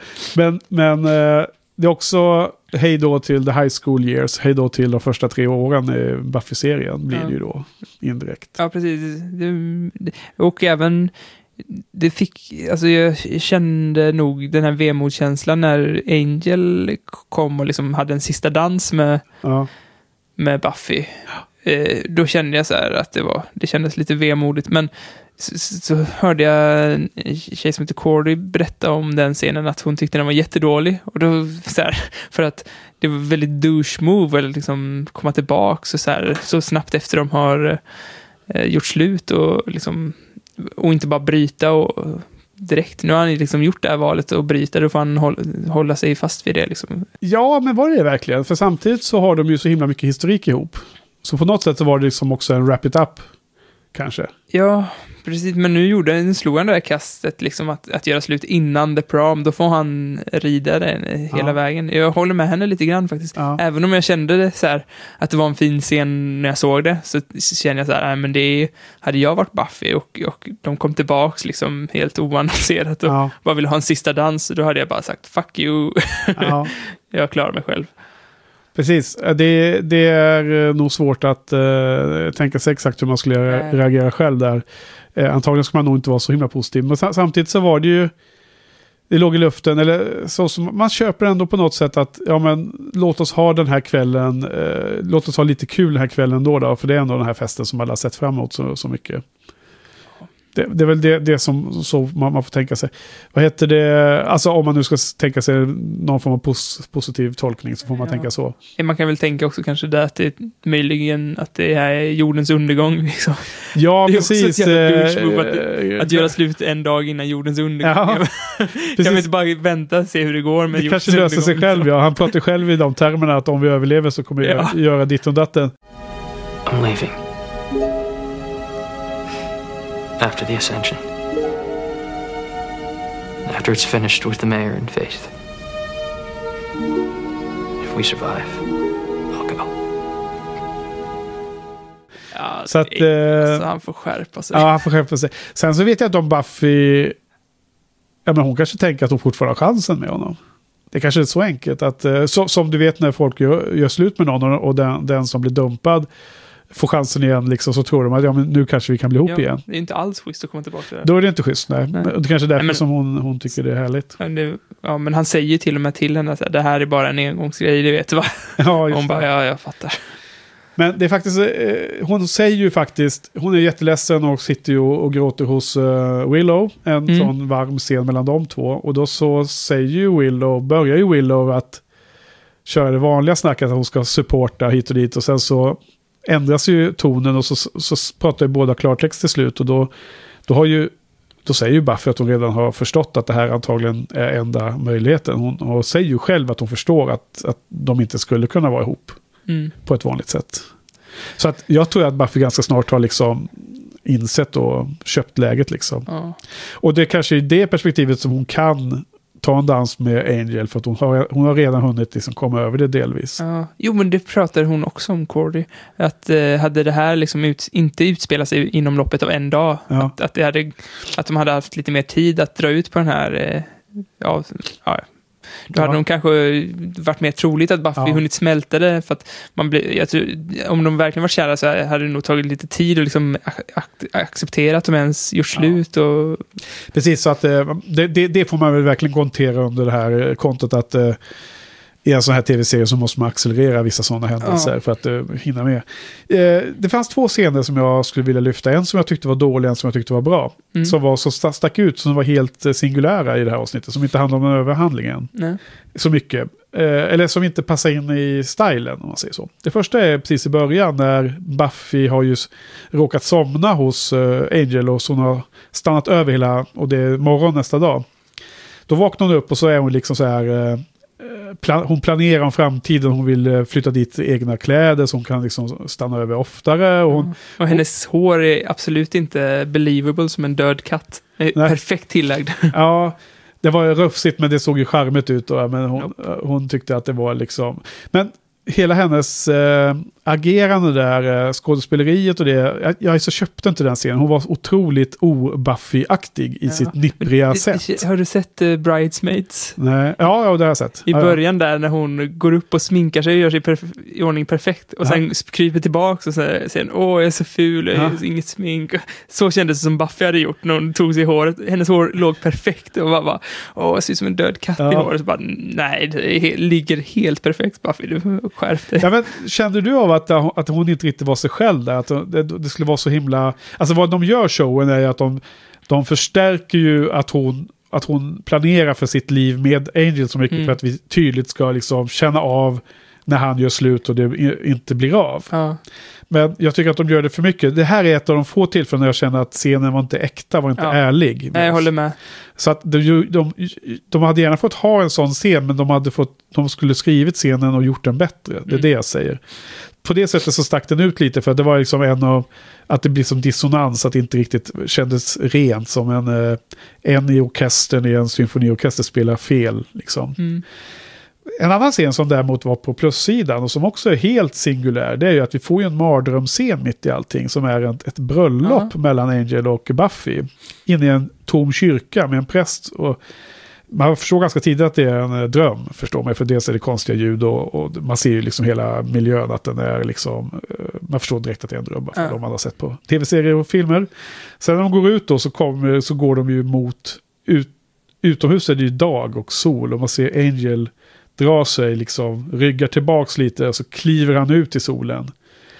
Och så händer ju ingenting och så vänder sig om och så ser man helt plötsligt Buffy i bröllopsklänningen eh, börja brinna då i ansiktet och sen brinner hon upp då för hon är en vampyr, han är människan. Mm. Jäkligt bra scen. Mm. Grym scen. Ja, den är awesome. Alltså det är ju Angels mardröm. Det, är Ja. hans, det är hans mm, undermedvetna som berättar hur fel det kommer bli för Buffy att ha det här förhållandet. Ja, för att det är Buffy som kommer bli lidande av Ja, det det måste komma och inte han. Och det är han som kommer överleva liksom. Ja. Och, och det är för övrigt i det här avsnittet som Joyce kommer och pratar med, med Angel. För det är efter Buffy har so, eh, sovit över där på natten. Ja. Det är då Joyce eh, får anledning att komma och prata med Det honom. snacket var väldigt fattigt faktiskt. Good. Because when it comes to you, Angel, she's just like any other young woman in love. You're all she can see of tomorrow. But I think we both know that there are some hard choices ahead. If she can't make them, you're gonna have to. I know you care about her. I just hope you care enough. Do you always ju, det måste jag bara säga att hon är ju en av de svagare karaktärerna än så länge. Ja, men jag tyckte hon var, i början tyckte jag hon var rätt okej, men eh, alltså, för, för The Mayor, hans snack, som han hade i slutet av förra avsnittet om Ja. att de inte kunde vara tillsammans, Ja. hade det inte varit bättre om Joyce hade det i början av det här avsnittet? Alltså för att, Lika bra snack. ja, eller exakt det snacket. Att, eh, eller vara lite hård mot Angel och säga liksom Ja. Och varför hon, hade hon inte haft tidigare överhuvudtaget? Ja, alltså jag vet inte, jag, jag, det är ju båda, båda pratar ju med Angel från olika perspektiv och jag tror att bådas eh, input till honom är en del av det som gör att han eh, fattar sitt beslut ju. Mm. Eh, men jag kanske också kan hålla med om, eh, utan att jag egentligen reagerar på det när jag såg det, så kan nog i efterhand eh, hålla med om att eh, snacket som The Mayor säger är mycket mer intressant och mycket... Har du sett uh, Making a Murder? Nej. Det, de har en, eh, en liten kille där som blir eh, framad för, mord, för ett mord. Är han vampyr? Eh, nej, men han är, in, alltså han är Zombie? mentalt handikappad. Jaha. Och han känns väldigt mycket som Angel i den här scenen. För de, för, för de säger bara, visst eh, gjorde du så här? Och så, och så frågar de tillräckligt många gånger tills han bara säger ja, liksom, för att han är dum. Ah, där så, så, känner, så känner jag med Angel, att Nej. han är mentalt handikappad. De säger bara åt honom vad han ska göra och han bara okej. Så går Ja. slut med... Nej, nej jag, jag, jag tror snarare att eh, det är eh, så att de är eh, representanter för oss tittare och liksom budbärare för oss tittare för att vi ska liksom kunna hänga med i Angels inre liv i detta fall. Mycket mer. Jag tror att liksom det, är en, det är en kombination. Att det är liksom... Eh, eh det ligger i luften att eh, han har redan liksom tänkt ut det här. Han, han, jag, tror- jag, jag tror inte att han skulle ta order från varken Joyce eller The Mayor. Jag, jag tror att det, det de säger är bara för att liksom close the deal i hans huvud. Bara, bara för att liksom verifiera att det han har redan kommit fram till är okej.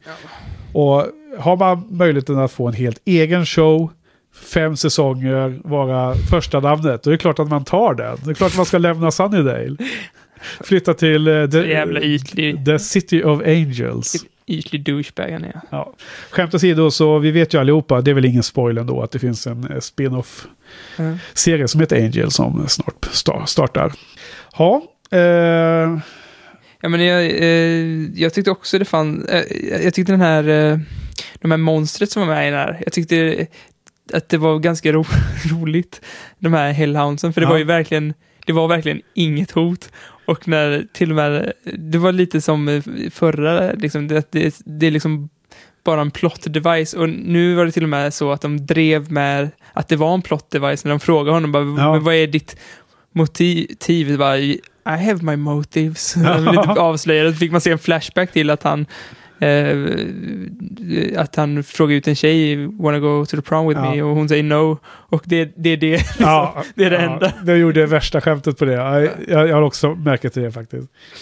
Ja, nej, vad heter det? Eh, vad, vad, vad gav du för betyg till det här då? Eh, sju av tio. Ja, det har jag också givit. 7 av 10. Så att jag hade 7 av 10 på alla utav ershots som jag gav högre betyg. Och du, du låg på 6 och 7. Så jag är väldigt lika där, men det, det är som ett stabilt hög, hög nivå på de här avsnitten. Och det, det är eh, mycket starka känslor i slutet här, men det är också en del roliga scener i det här sista avsnittet faktiskt. Ja. Zoom in on that. It's a videotape. Ja, Well, the, the prom committee asked me to, to read this. We're not good friends. Most of us never found the time to get to know you, but that doesn't mean we haven't noticed you. We don't talk about it much, but it's no secret that Sunnydale High isn't really like other high schools. A lot of weird stuff happens here. Zombie! Hyena people! Snyder! But whenever there was a problem or something creepy happened, you seemed to show up and stop it. Most of the people here have been saved by you, or helped by you at one time or another. We're proud to say that the class of 99 has the lowest mortality rate of any graduating class in Sunnydale history.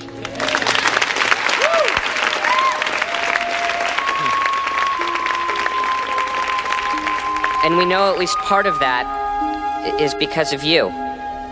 So the senior class offers its thanks and gives you um, uh, this.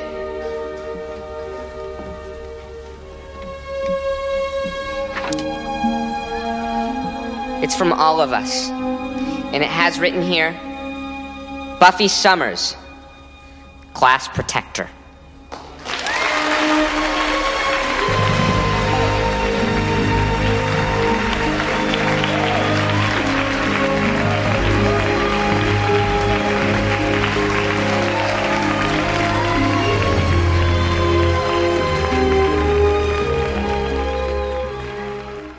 Ja men eh, vad säger du Johan? Eh, nästa gång nu när vi poddar nästa vecka så har vi faktiskt sista avsnittet för säsong 3 ju.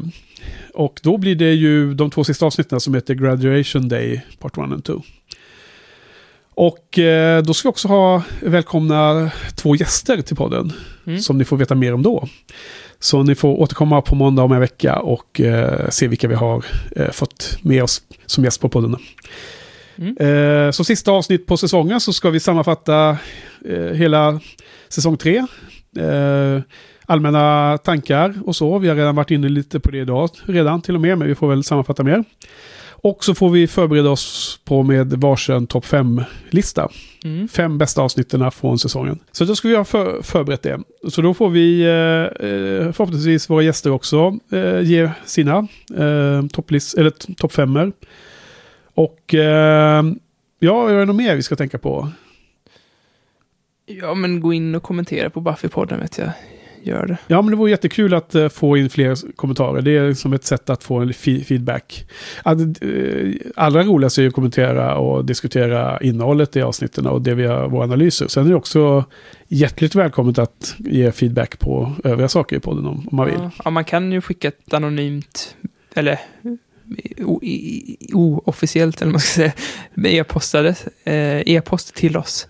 Man kan också mejla till oss, ja. ja. Och då behöver man inte synas till, i kommentarsfältet ja. med det. Och vill man inte den. att nämnas i podden kan man ju skriva det också. Ja. Att jag tror att vi kommer försöka nämna de flesta som skriver in. Ja, eh, och e-mailadressen är buffypodden gmail.com. Mm.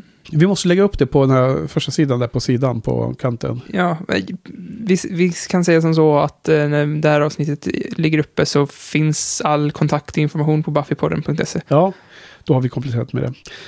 Och eh, sen efter säsong tre så kommer vi ha eh, break en vecka. Och eh, ingen podd kommer ut den måndagen. Och sen därefter en veckas break så kommer vi starta säsong fyra. Mm. Och då har ju Angel dragit igång också. Ja, och då får vi, det får vi prata om mer sen. Ja. Hur vi ska hantera det. Okej, men vad säger du? Eh, är du? Känner du dig nöjd med idag? Ja. Tack Johan. Tack Henke. Tack Jos. Tack, Tack för oss.